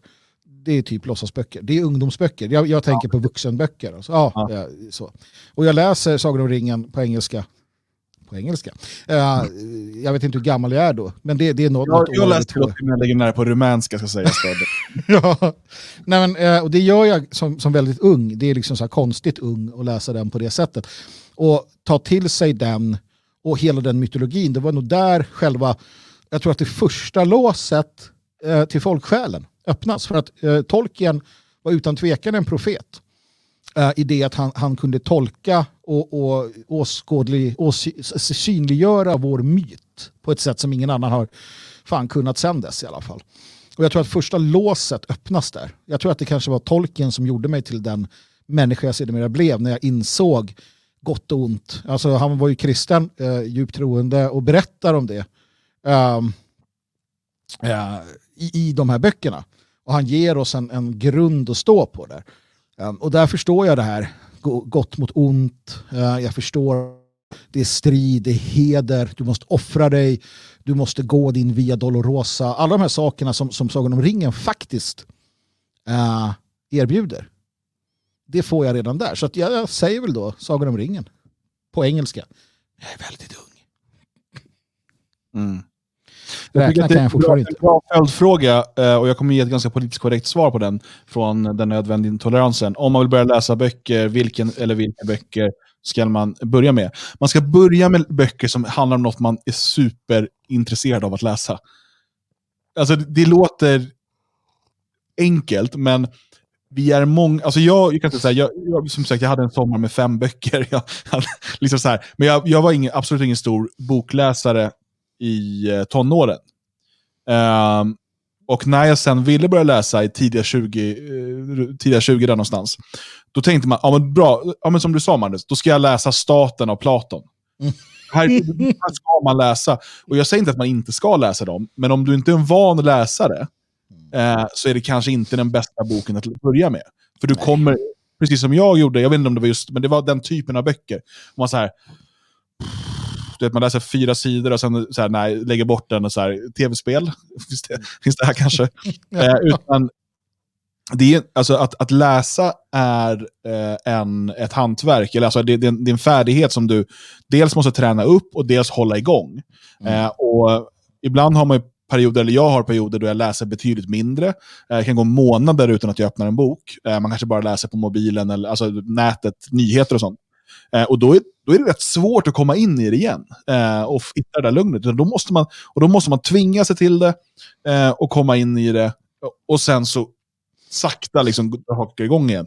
Men ska man dels komma in i det igen och dels läsa någonting som man egentligen inte förstår eller är superintresserad av, eh, då går det inte. Utan är man, jag menar, hitta det som, för en del så är kanske fantasy det rätta, liksom, men om man själv inte är superintresserad av det och det kan vara ganska svårt att komma in i de här böckerna så, eh, så jag vet, eh, Marcus Ferlin brukar ju alltid tjata på mig och på andra om att läsa de här eh, Warhammer 40K-böckerna. Mm. Jag är så superintresserad av det universumet. Eh, och liksom, jag, det är säkert intressanta böcker, men jag, jag, kan inte, jag ids inte att liksom börja med det. Nej, men, här- det här är en generationsfråga bara. Det, det är bara det, alltså Warhammer 40K och det där, det, det är för dem, och nu pratar jag om dem som en annan generation, som kanske någonting annat var för oss, som de är helt ointresserade av. Eh, jag vart ju liksom provocerad av den tanken, vad jävla Warhammer 40K, så, men sen hade vi en diskussion om det där, och sakta men säkert så förstod jag ju det han sa. Det är samma sak, vi har ju liksom drabbat samman om det här med datorspel och allting. Uh, och till sist så, så, så fattade jag ju hur, hur han menade. Han sa ju att hade det inte varit för de här, då hade inte jag blivit intresserad av det gamla Rom. Jag hade inte blivit intresserad av, av Iliaden och, och Grekland och allting. Men tack vare eh, spelen, den här, eh, så olika äventyrsspel och så, där det här kommer upp, där man, där man är en romersk legionär eller någonting. Tack vare det så, så blev jag intresserad. Annars hade jag ju inte stött på det här. Med tanke på skolans liksom, miserabla skick. Och då slog jag mig att fan, det är ju sant. Det är ju sant faktiskt. Det där är ju inkörsportar till, till liksom, eh, europeisk eh, kultur. Eh, så att, nej men sen håller jag med. Ja, fast jag kan ju också bli enormt provocerad. Eh, och nu vet jag inte om vilka som har sagt det, men ja, det, får, det får bli som det blir. Av människor som menar sig inte ha tid att läsa skönlitteratur.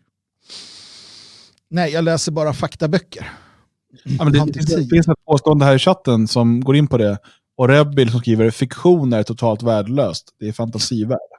Det är det dummaste man kan säga. Det är fullständigt absurt. Eh, och, och jag tänker inte ens bevärdiga den personen med, med, med att tilltala vederbörande. Saken är den att myten, sagorna, eh, fiktionen, Eddan, Bibeln, det som, det som är grunderna till vår liksom, totala och samlade upplevelse som ras och folk. Eh, det är myter, precis som Jung sa. Och Jung läste både eh, faktaböcker och myter. Han konstaterade att myterna är mer verkliga än verkligheten. Så att om den här personen eh, kan visa upp ett bättre renommé än Carl Gustav Jung så kan han ju kanske få lite cred för det han säger. Sigmund Freud kanske? Ja, precis. Det är väl det vi landar i. Va? Saken är den att, att eh, fiktion, då, som det kallas, det är inte nödvändigtvis ren fiktion. Naturligtvis inte, lite beroende på vad du läser. Det är ju den människans, författarens uttryck för samtiden, folksjälen, vad det nu kan tänkas vara. Det finns bra och dålig fiktion naturligtvis. Den är ofta erfarenhetsmässigt, alltså byggd på erfarenheter och så. Eh, men, men eh, som till exempel min fiktiva bok, Den offrade. Jag menar att det finns ett värde i att läsa den. Eh, fast den är hittepå till stor del. Och om man tar en, en, en sån bok som ja, men Sagan om ringen är ju ett tydligt exempel. Den är ju inte meningslös att läsa och så vidare. Jag tycker att människor borde läsa mer skönlitteratur. Uh, eh, och, och från olika tidsåldrar. Jane Austen var inne på till exempel. finns mycket, mycket annat. Uh, för att det breddar um, ditt språk och, och du tar del av och motiveras av och rycks med i just uh, liksom visionära berättelser. Eller bara ta så enkelt som att du med eh, Jules Verne kan resa till jordens mittpunkt. Eh, tänk på sådana människor som växte upp med den äventyrslitteraturen. Det var de som sedermera blev Sven Hedin.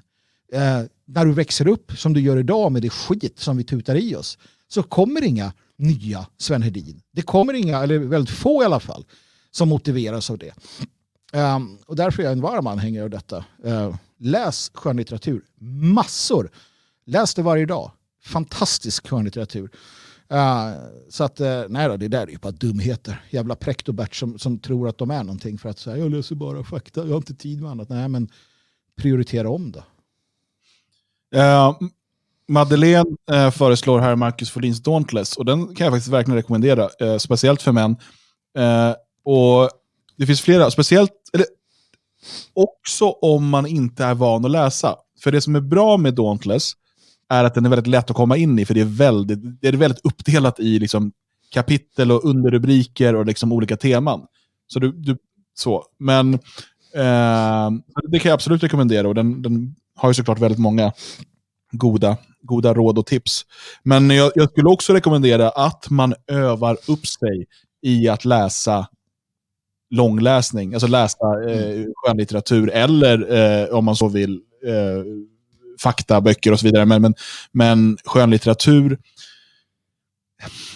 alltså dels så de är fulla med politik, med eh, eh, moral och, och, och alltså massa saker som, som visst du kan liksom rada upp det att enligt fakta är det så och så och så. Men vi pratade lite om det här tidigare i programmet här med varför vi måste komma in med känslor och inte bara hårda fakta och så vidare.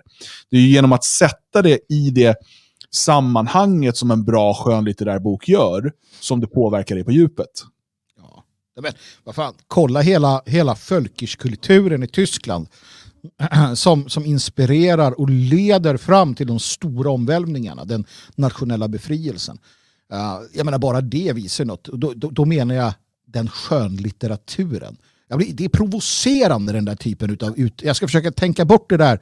För jag har redan tagit bort chatten, jag klarar inte av det där dumheterna. För att det är så dumt. Uh, ja, vi tar nästa fråga då. Nej, nej, men det var någonting jag ville ha sagt mer i detta. Jo, det var det här. Det, alltså, läs en bok om staten. Eller lyssna på när, när Jalle Horn eller någon pratar om det. Om du inte har fallenheten, samma sak de här uh, Homoros och, och de här två. Läs en bok om Iliaden eller Odysseen. För fan att sätta sig med Odysseen. Alltså till och med en så litteraturvetare som Jalle Horn får ju ont i huvudet av det. Mm. Uh, låt, låt han berätta om den istället. Eller vår vän Robin uh, som också läser de här eländiga översättningarna. Uh, fan det finns mycket bra litteratur. Dan, du visade ju mig en, en smart grej. Det var, ju, det var ju böcker om böcker. Sa, samma, korta ja, sammanfattningar om de viktigaste. Det finns, det finns någon app, hette den, jag testade den förut. Mm. det var lite konstigt, men, men de, de, de, typ sammanfattar en viktig bok på typ 15 minuter. Precis. Och de gör det på ett sätt så att du ska kunna, du ska kunna tänka, eller du ska kunna briljera med den som att du har läst den. Dels har de några viktiga citat du ska lära dig, eh, och sen en sammanfattning och liksom, du, vet, du får en sån här rundown av hela. Ja, men det, är helt, det är helt rätt, det är inget att skämmas över. Att, att eh, om du gör det, du där ute, så gör det. Och sen, jag menar, jag, jag känner åtskilliga bokofiler som, som har läst liksom, så vansinnigt mycket och har privata bibliotek eh, som, som ändlösa rader alla är överens om en sak. I början så läser du allting. Eh, sen köper du mer och mer och mer. Du hinner aldrig läsa, men du har allting uppställt. Du bläddrar. Du läser ett stycke här, ett stycke mm. där. Eh, och ofta tack vare synkroniciteten som man vet om, om man läser Carl Jung uh, och, och, inte bara lever i sin egna värld där faktaböcker är allt som spelar roll. Um, så uh, finns intressanta böcker också, där, skönlitterära böcker där synkronicitet tar upp. Hela, allting kretsar kring det. Men okej, okay, det kanske man inte behöver för att man är så jävla präktig. Um, så, uh, så är det som så att man ofta stöter på det man behöver. I, har du ett stort bibliotek med en massa böcker och du går där och funderar på någonting. Det är en fråga som är jobbig. Du går där och bläddrar bland dina böcker, du, du håller i dem, du, du har det här, uh, det här något sjukliga relationen med dina böcker. Att de är som, du har fru, barn, böcker, fast inte den ordningen. Um, och, och, och, så. Till sist så får du hjälp av de här tysta vännerna.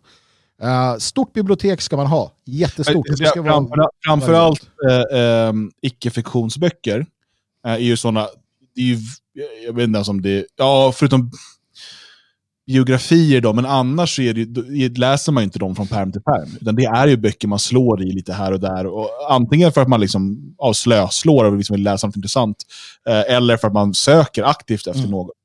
Jo, Eh, Men skönlitterära böcker är lite en annan sak, för det tar sig ofta på en resa. Sen vad är då, okej, låt, oss, låt oss bara så här. Vad är inte skönlitteratur? Vad är inte det? Ja, den här uh, faktaboken om eh, hur eh, de såg på det här är skrivet av någon som tolkar något. Det är inte, det är inte alltså historieböcker. Det är fakta, det är sanningen. Då. Ja, visst, matte, här, böcker om matematik, det, det köper jag. Eh, det köper jag. Och olika uppställningar och sådär. Det, det är ren fakta. Men vad är mer ren fakta? Ja, en del sådana här eh, inom, inom eh, naturkunskap och sådär. Absolut ren fakta. Historieböcker? Nej, definitivt inte. Böcker om samhällsbyggen? Nej, absolut inte. Eh, religiösa, alltså böcker om religioner, det är, det är ju byggt på vad författarna tycker och tänker. Det, allt är ju i princip, eller har inslag av, hittepå.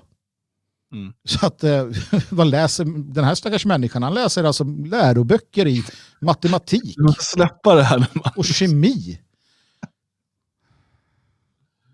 Marita undrar, vem slår i böcker när man kan googla på några sekunder? Jag vill bara få en hjärtattack att hända här i sändning. Kas- Kasta ut! Ut! Alltså, bort! Fan, det var ju värre än den där innan. Vad är detta? Googla. Att det ens har blivit ett ord. Alltså, det jävla företaget är ett verb. Ja. Jag känner att jag hoppar in här. Jag tar Nej, men vad fan, kommer du ansvar. också? Eh, På dem bara. Jag tänker så här, vi ska ta en fråga från en kvinnlig lyssnare här. Och eh, ni ser texten. Ja, några i alla fall. Eh, läs den då. Hur pratar man med kvinnor? Både normkvinnor och våra kvinnor för att åt- åtminstone ge dem en chans att inse sitt värde.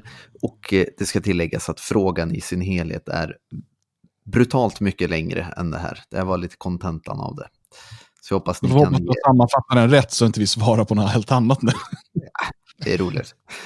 Men det handlar ju om en värdefråga. Hur, ska, hur pratar man med kvinnor, Dan och Magnus? Ni som sitter på Inte hur pratar man med kvinnor, punkt. Utan, alltså, hur ska man få kvinnor, både normis och våra kvinnor, att, de, att inse sitt värde? Sitt värde som kvinnor då, antar jag. Eh, oj, vilken fråga. Eh, Man, man, har- man, det ju- nej, nej, det ska bara vara tyst nu några minuter. Så vi sitter och stirrar. ja, det, men det är ju sällan man har tid att sitta, sitta ner så länge med dem va, för att kunna komma åt det där. Men Vad har de för värde? ska vi börja i den ändan, tycker du det? Du, Tre verkligen. eller fyra kameler. Jag, jag är inte hängt med på liksom det. Jag vet inte, nej det är inflation i det där. Kanske Okej, lite... vi ska ta det här seriöst. Men, men, men eh, nej, okej, poängen är väl Eh, eh, att många kvinnor av idag, och många män av idag, men vi sammanfattar med kvinnor här, för det är det frågan handlar om, eh,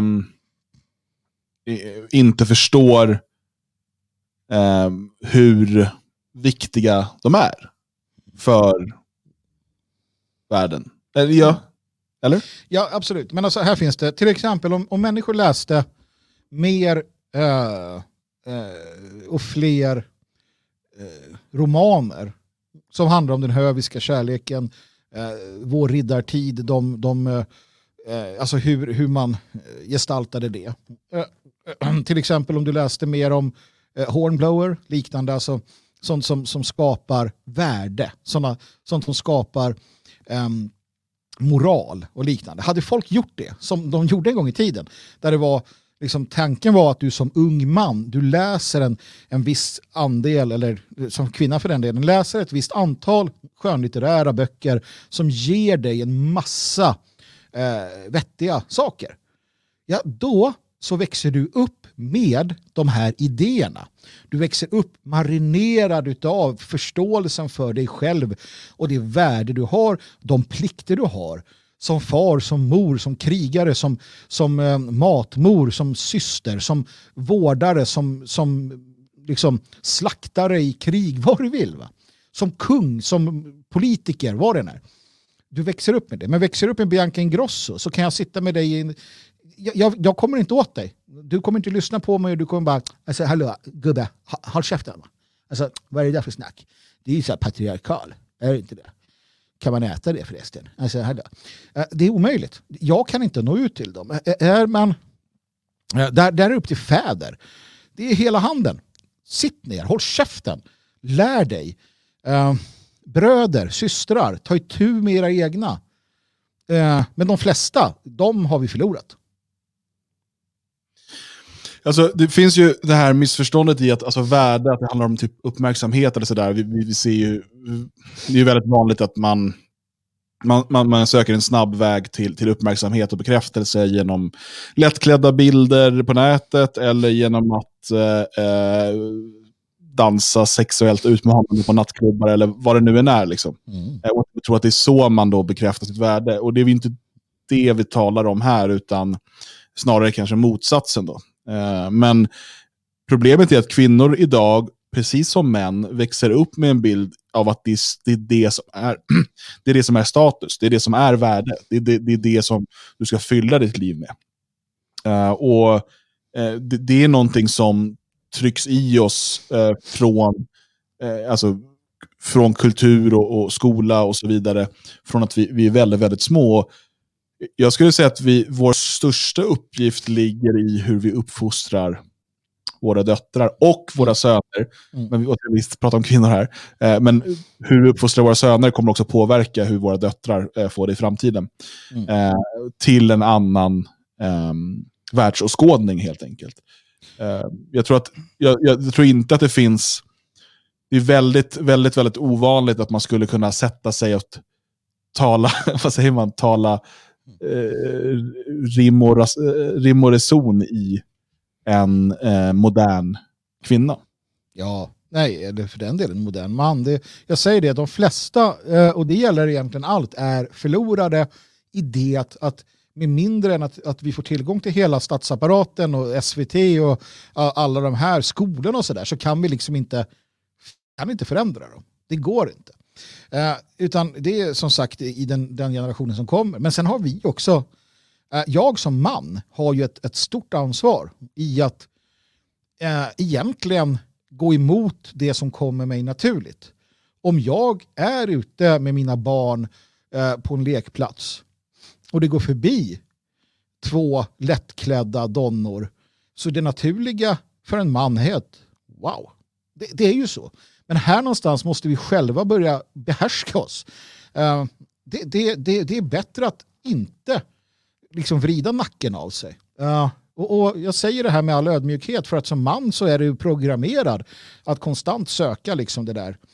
Det är så. Eh, och, och Då vet jag att vissa pissliberaler säger äh, men då, då ska alla ha burka? Och så, Nej, kanske inte burka, va? men man ska ju klä sig lite mer sedesamt. Uh, naturligtvis, det är trevligare i samhället och det är roligare när man ska få komma till första gången och man inte riktigt vet vad det är man får. Va? Har man redan fått hela menyn serverad så ja, då är det inte så kul. Va? Så det finns mycket att hämta där. Eh, och, och, och det gäller ju eh, kvinnor också. Jag menar, vi har varit inne på det gången en gång att det vore ju fantastiskt om en, en man, eller en kvinna för den delen, eh, i offentligheten eh, och det kommer någon sån där eh, typ som ska dit och liksom limma och, och härja. Eh, att den här eh, snygga tjejen eller killen som blir eh, utsatt, eller för den delen med, helt medioker, bara säger att men du, du är en sån ytlig, ointressant, icke-traditionell kvinna eller man. Jag är helt ointresserad av dig. Att, att, att, att, att liksom en mass så, så blir de liksom skammade. Men nu tillhör de människorna som är sådana, de går inte på de etablissemangen så det kommer nog inte ske. Men, men någonstans att vara mer sån i, i offentligheten, att, att alla är det. Om man sitter på jobbet eller i skolan och så bara eh, någon säger, ah, men jag vill typ ha karriär, så, ah, du vill inte ha barn? Och så, nej, men då, jag skulle inte vilja ta i dig med tång. Alltså, är du inte intresserad av familj och sånt där, då är det ju ganska ointressant. Och så vidare. Och så vidare. Eh, det är lätt också, alltså när det gäller då till exempel unga män, för att en stor nyckel till den så kallade kvinnofrågan ligger hos männen. Mm. Eh, att liksom säga ja, men, hur, hur man då bör betrakta kvinnor och, och sådär.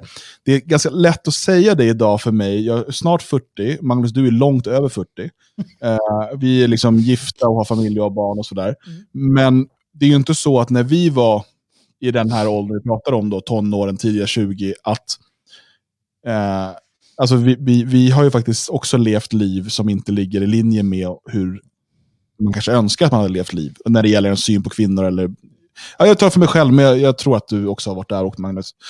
Um, och eh, Det är lätt att sitta när man själv är dels ur den värsta hormonella perioden eh, och dels eh, liksom har allting på plats. Och, och säga att ja, men när du är 18-årig grabb så ska du liksom du ska behandla kvinnor på det här, du ska se på det så här. Och, och det är inte så att vi, vi saknar den visdomen som vi kan dela med oss av. Men vi börjar också inse eh, att det är betydligt lättare i, i teorin än vad det är i praktiken. Mm. Ja, men så är det ju, absolut. Och jag gjorde ju det misstaget att jag läste de här riddarromanerna och den höviska litteraturen. Problemet var att ingen annan gjorde det. Så att, eh, jag, jag, fick ju råka, jag, jag hamnade ju i det eh, där man alltid hamnade i friendzone. Um, för att jag tyckte att man skulle sätta kvinnan på en piedestal. Um, och, och det ska man, men inte nu. uh, och det är inte en väg till liksom, uh, det där. Och jag, jag minns många gånger när man var på, på de här olika etablissemangen med sina vänner. Jag var alltid den som satt vid bordet, drack en öl och var så jävla bitter och sur. För att jag bara, vad fan, liksom, de står och liksom, står och liksom hänger ut allting på dansgolvet. För övrigt någon jävla amöbadans, det är liksom parningsritualer. Sen var jag samtidigt sur över att jag själv inte bara kunde slänga mig in i det där. För jag ville verkligen. Jag tänkte till sist att vad fan, ska jag någonsin få till det med något fruntimmer så måste jag ju bli som alla de här jävla människorna och det vill jag inte. Uh, så det var ju ytterst problematiskt. Uh, utan tvekan och det är nog många som, som känner igen sig det också. Så att, uh, bara för att man själv då har liksom förstått någonstans hur det borde vara så betyder det inte att det är så. Och det hämmade. Så att det slutade med att jag var ju perfekt eh, för, för en massa fruntimmer att vara vän med. För att jag respekterade dem. Deras pojkvänner gjorde inte det. Jag gjorde det. Och jag kunde ju sitta där och bara, vad fan, hallå, du ser ju vad de gör. Jag är ju inte sån och sådär. Det tog tid det där att reda ut sig. Uh, och, och återigen, mycket, eh, uh, mycket, mycket avsaknad av, av en, en, eh, nu växte jag upp med både pappa och mamma. Men de här frågorna pratar man ju inte om. Ehm, det fanns ju inte den här, eh, den här, det här mannaförbundet, den här eh, manliga gemenskapen av far och hans vänner som liksom eh, tog in de unga och, och, lärde dem ett och annat. Som vi försöker forma, hoppas i alla fall att alla ni gör också. För att våra söner och våra döttrar ska liksom där lära sig att så här ska det vara. Sen får vi helt enkelt eh, titta och, och, fram tills vi har liksom blivit fler får vi arrangera äktenskap mellan våra ungar helt enkelt. Mm. Ja, det behöver inte vara svårare än så. Nej, men alltså i det skede vi är någonstans. Men det, är svårt, uh, det, det är svårt att liksom komma med något så här, uh, ja, definitivt svar. Men det, jag skulle säga att nyckeln ligger ändå i uppfostran av kombinationer. Daniel undrar här, vilket är bästa snuset, Magnus Söderman? Ja, med tanke på att jag äh, är, eh, inte nybliven, men eh, snart har varit nikotin och tobaksfri i nästan ett år så är det bästa snuset något jävla låtsassnus som är typ svart te som jag köper. prillan, prilla, sprillan, prillan, eh, nikotinfritt. Och det är skitbra för att det gör att jag kan snusa eh, och behålla det, den lilla demonen som kräver det. men att jag är nikotin och tobaksfri. Så att, det är något jag föreslår alla ska bli. det är också det som jag har satsat på det här året. det är att bli av med nikotinet och tobaken och sakta komma igång med, med träningen igen. För att under nästa år, nu när jag överkommit här och insåg att det kunde jag ju, så kan jag överkomma alla andra sådana här latar man har. Så det blir ännu mer fokus på, på träning och kost under 2021. Så att eh, svaret är ett eh, nikotinfritt och tobaksfritt snus som eh, får dig att inte vara slav under, under ett gift under nikotinet. Mm. Sådär, jag ska bara förtydliga lite här. Det här rör sig i kontexten. Tänk en... på att vi har radiolyssnare, så du måste också läsa frågan. Absolut. Den här frågan som är, vad skulle vi Kan behöva? kan ni göra det med en lite, lite manligare stämma? Nu, jävlar. Eh, det är, du är medveten om att jag kan bara dra ur sladden för dig. Så. I alla fall, vad skulle vi behöva för kompetenser idag och vad behöver vi i framtiden? I kontexten att eh, för den Sverigevänliga oppositionen och i föreningen Det fria Sverige i synnerhet, är det några speciella färdigheter eller kompetenser som vi behöver? Oj, vi, vi behöver ju alla typer av kompetenser egentligen. Eller ja, inte alla typer kanske. Uh, Bert Milton har vi en, jag vet inte vad han ska bidra med. Men, men, men alltså... ehm, Det är väl vissa som... Bert Milton. Nej, han behöver inte. Han är också död va? Ja, så han behöver dubbelt. Det är inte fan jobbigt. Ehm, vi, eh, I dagsläget så skulle jag säga, alltså, det behövs ju, har man bra, alltså en god kompetens inom något område så finns det oftast användning för det inom föreningen på ett eller annat sätt. Alltså vare sig det är att man är liksom en, en driven entreprenör, en, en duktig skattejurist, en grafisk formgivare, en eh, duktig talare, en skribent, en, en fantastisk murare, vad det än är. Anmäl dig, säg det här kan jag, hur kan det bidra för föreningen? Ehm, och som följd på det, känner du att nej, men, fan, jag har inget sånt, ja, men kolla om det är något du kanske kan lära dig. då. Det finns massor av bra kurser online. Eh, till exempel i grafisk formgivning eller om du kan lära dig ljudredigering eller sådana här saker som du vet att vi har användning av. Nej men absolut. eh, ja, kompetens. Det är vad som behövs. Kompetens. Och jag tror att eh, som i så mycket annat så, så vet man inte riktigt vad, vad det är som behövs förrän det dyker upp. För att det beror på dig själv också. Hur driven är du? Det kan vara en kompetens som vi, vi får framblicken. att eh, vår producent har inte kompetens att stava till kompetens? Återigen, alltså okej, då, då ska jag, ska jag outa han som har skickat in frågan. här. Bara, du- Hörru, du- nu ska du inte hålla på och skylla ifrån dig. Du ska inte, inget mer sånt nu. Du är ansvarig för det som visas i rutan och du har skrivit kompetenser. Det är Okej. du som är ansvarig. Eh, Då vill jag faktiskt bara skicka en liten känga för jag vet att han sitter och lyssnar. Det är en viss människa som börjar, en herre Jo, jo, som börjar men det är som att du, du är ju nu, det är, det är som att Magnus får en artikel för Nationalisten. Eh, Då ska jag sitta och skamma i offentligheten. Ja. Jättekonstiga radbrytningar. Och så låter han det vara kvar i tidningen. För att det Men, var men jag, skriver, jag skriver ett förord. Och en jävla idiotskribent som inte gjorde det här. Haha, här Det, tycker, det, det tycker jag du borde göra Magnus. Eh, nej men så här, eh, om kompetenser. Um, Du, nu rör du upp den igen utan att rätta stavfelet. så här, om kompetenser. Eh, det är den som du kan omsätta eh, i praktisk handling. Eh, alltså du kan ha vilka kompetenser som helst, men kan du inte göra något av dem? Alltså om du inte kan omsätta dem i någonting som, som påverkar, då blir det ju rätt, rätt liksom, det blir, då, den kanske är bra för dig eller din nära familj och sådär. Men om vi inte kan använda den kompetensen eller om du inte ehm, eh, ger dig till känna. Så att ge dig till känna helt enkelt.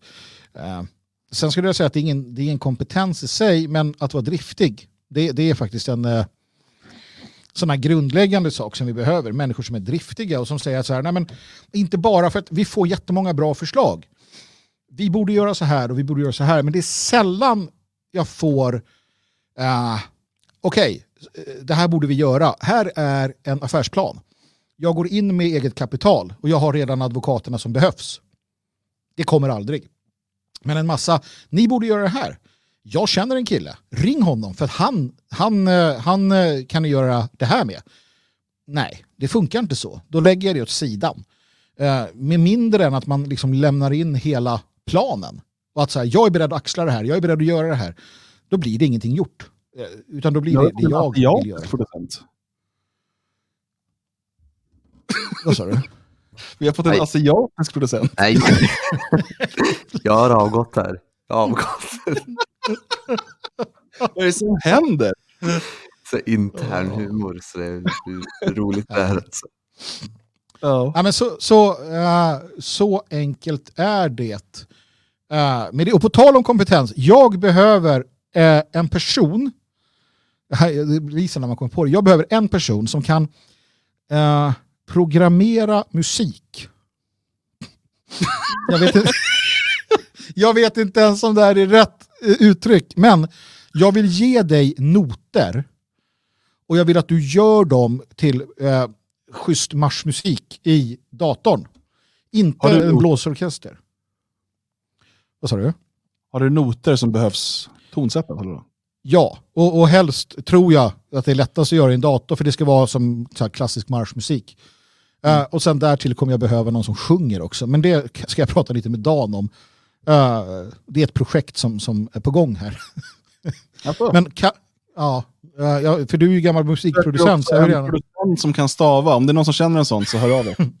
Nej, men kan du programmera musik? Kan du göra bra eh, så här musik? Inte så här jävla allt höger skit, blipp-blopp liksom. Utan det, det ska låta som de riktiga instrumenten fast det är inte det. Eller det kan vara det också om du är någon jävla allkonstnär och kan spela alla instrument, säg till. Det är vad jag behöver. Uh, hör av dig. Ja. Eh, har vi några mer frågor? Klockan är 22, men jag tänker att vi kan ta en sista. Hoppas det är någon kort. Jag tänkte ju på, på Häggen här och han, det enda han svarar, jag har aldrig gjort marschmusik förut. Nej men kan du läsa noter och göra något utav dem? Liksom, eller vad då? Kan du, kan du testa? Tror du? Det är min fråga. Nu är det Svara lyssnarfrågor, då. faktiskt. Nej, nej, ingen jävla synthwave trams. Nej, Jag förstår inte. Okej, vi pratar förbi varandra. Jag ska... Ja, Jag tror att vi har lite mycket lagg emellan oss också, så vi kanske måste avrunda det här ändå. ping, Pong, ping. pong. Ja, nej, det blir inte bra. Ja, ehm, det här är ju årets sista avsnitt. Um, och vi sammanfattade väl året lite grann i uppesittarkvällen här i, i onsdags. Uh, men uh, vi får väl se om vi kanske återkommer till det.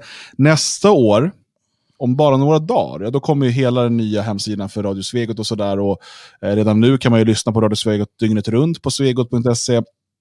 Och vi kommer också då att ha två helt nya program.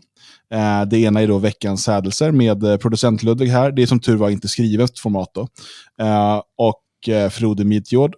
Det finns redan nu att lyssna på en, en inför-podd. Liksom, vad ska det här handla om? Och um, dessutom så kommer Jalle Horn med ett helt eget program som kommer en gång i veckan. Allt det här kommer upp information på svegot.se. Och för att vi ska kunna fortsätta göra det här behöver vi ditt stöd. Eh, du kan då gå in på svegot.se plus och bli plusprenumerant. Det är ungefär som Patreon. Ehm, du betalar då 99 kronor i månaden. Dels så stödjer du produktionen, vi kan få in fler medarbetare, producera fler bra program. Ehm, men eh, du får också då tillgång till alla poddar i efterhand. svegot.se plus. Magnus, vad Mm. eh, säger vi så här sista sändningen på året? Hur, hur, hur avslutar man något sånt här? Med tanke på att eh, det typ dröjer några dagar så är vi tillbaka igen så känns det inte som att det är någon större liksom, förväntan utan eh, gott nytt år och så, så är vi tillbaka här snart igen och fortsätter att leverera. Smäll inte av några fingrar. Det, det, det är ett bra råd jag brukar ha på nyårsafton. Det, är- det är ett jättebra råd. Ge fan Ja. i de där. Eh, Och när ni ska göra hasselbackspotatis, lägg potatisen i en sked. Då blir det mycket lätt att göra. Eh, det, det, det är bara tips. Stek, stek riktigt smör. Ja. Bojkotta margarin. Precis. Och margarita. Det ska vara något mer på pizza. Det- döden. Våra visdomsord. Eh, stort tack eh, för ikväll. Eh, vi är tillbaka nästa måndag med ett ordinarie avsnitt. Och fredagen därefter med Fredagstinget. Men, men allt det där kommer på segot.se. Ha det riktigt bra och Eh, på återhörande.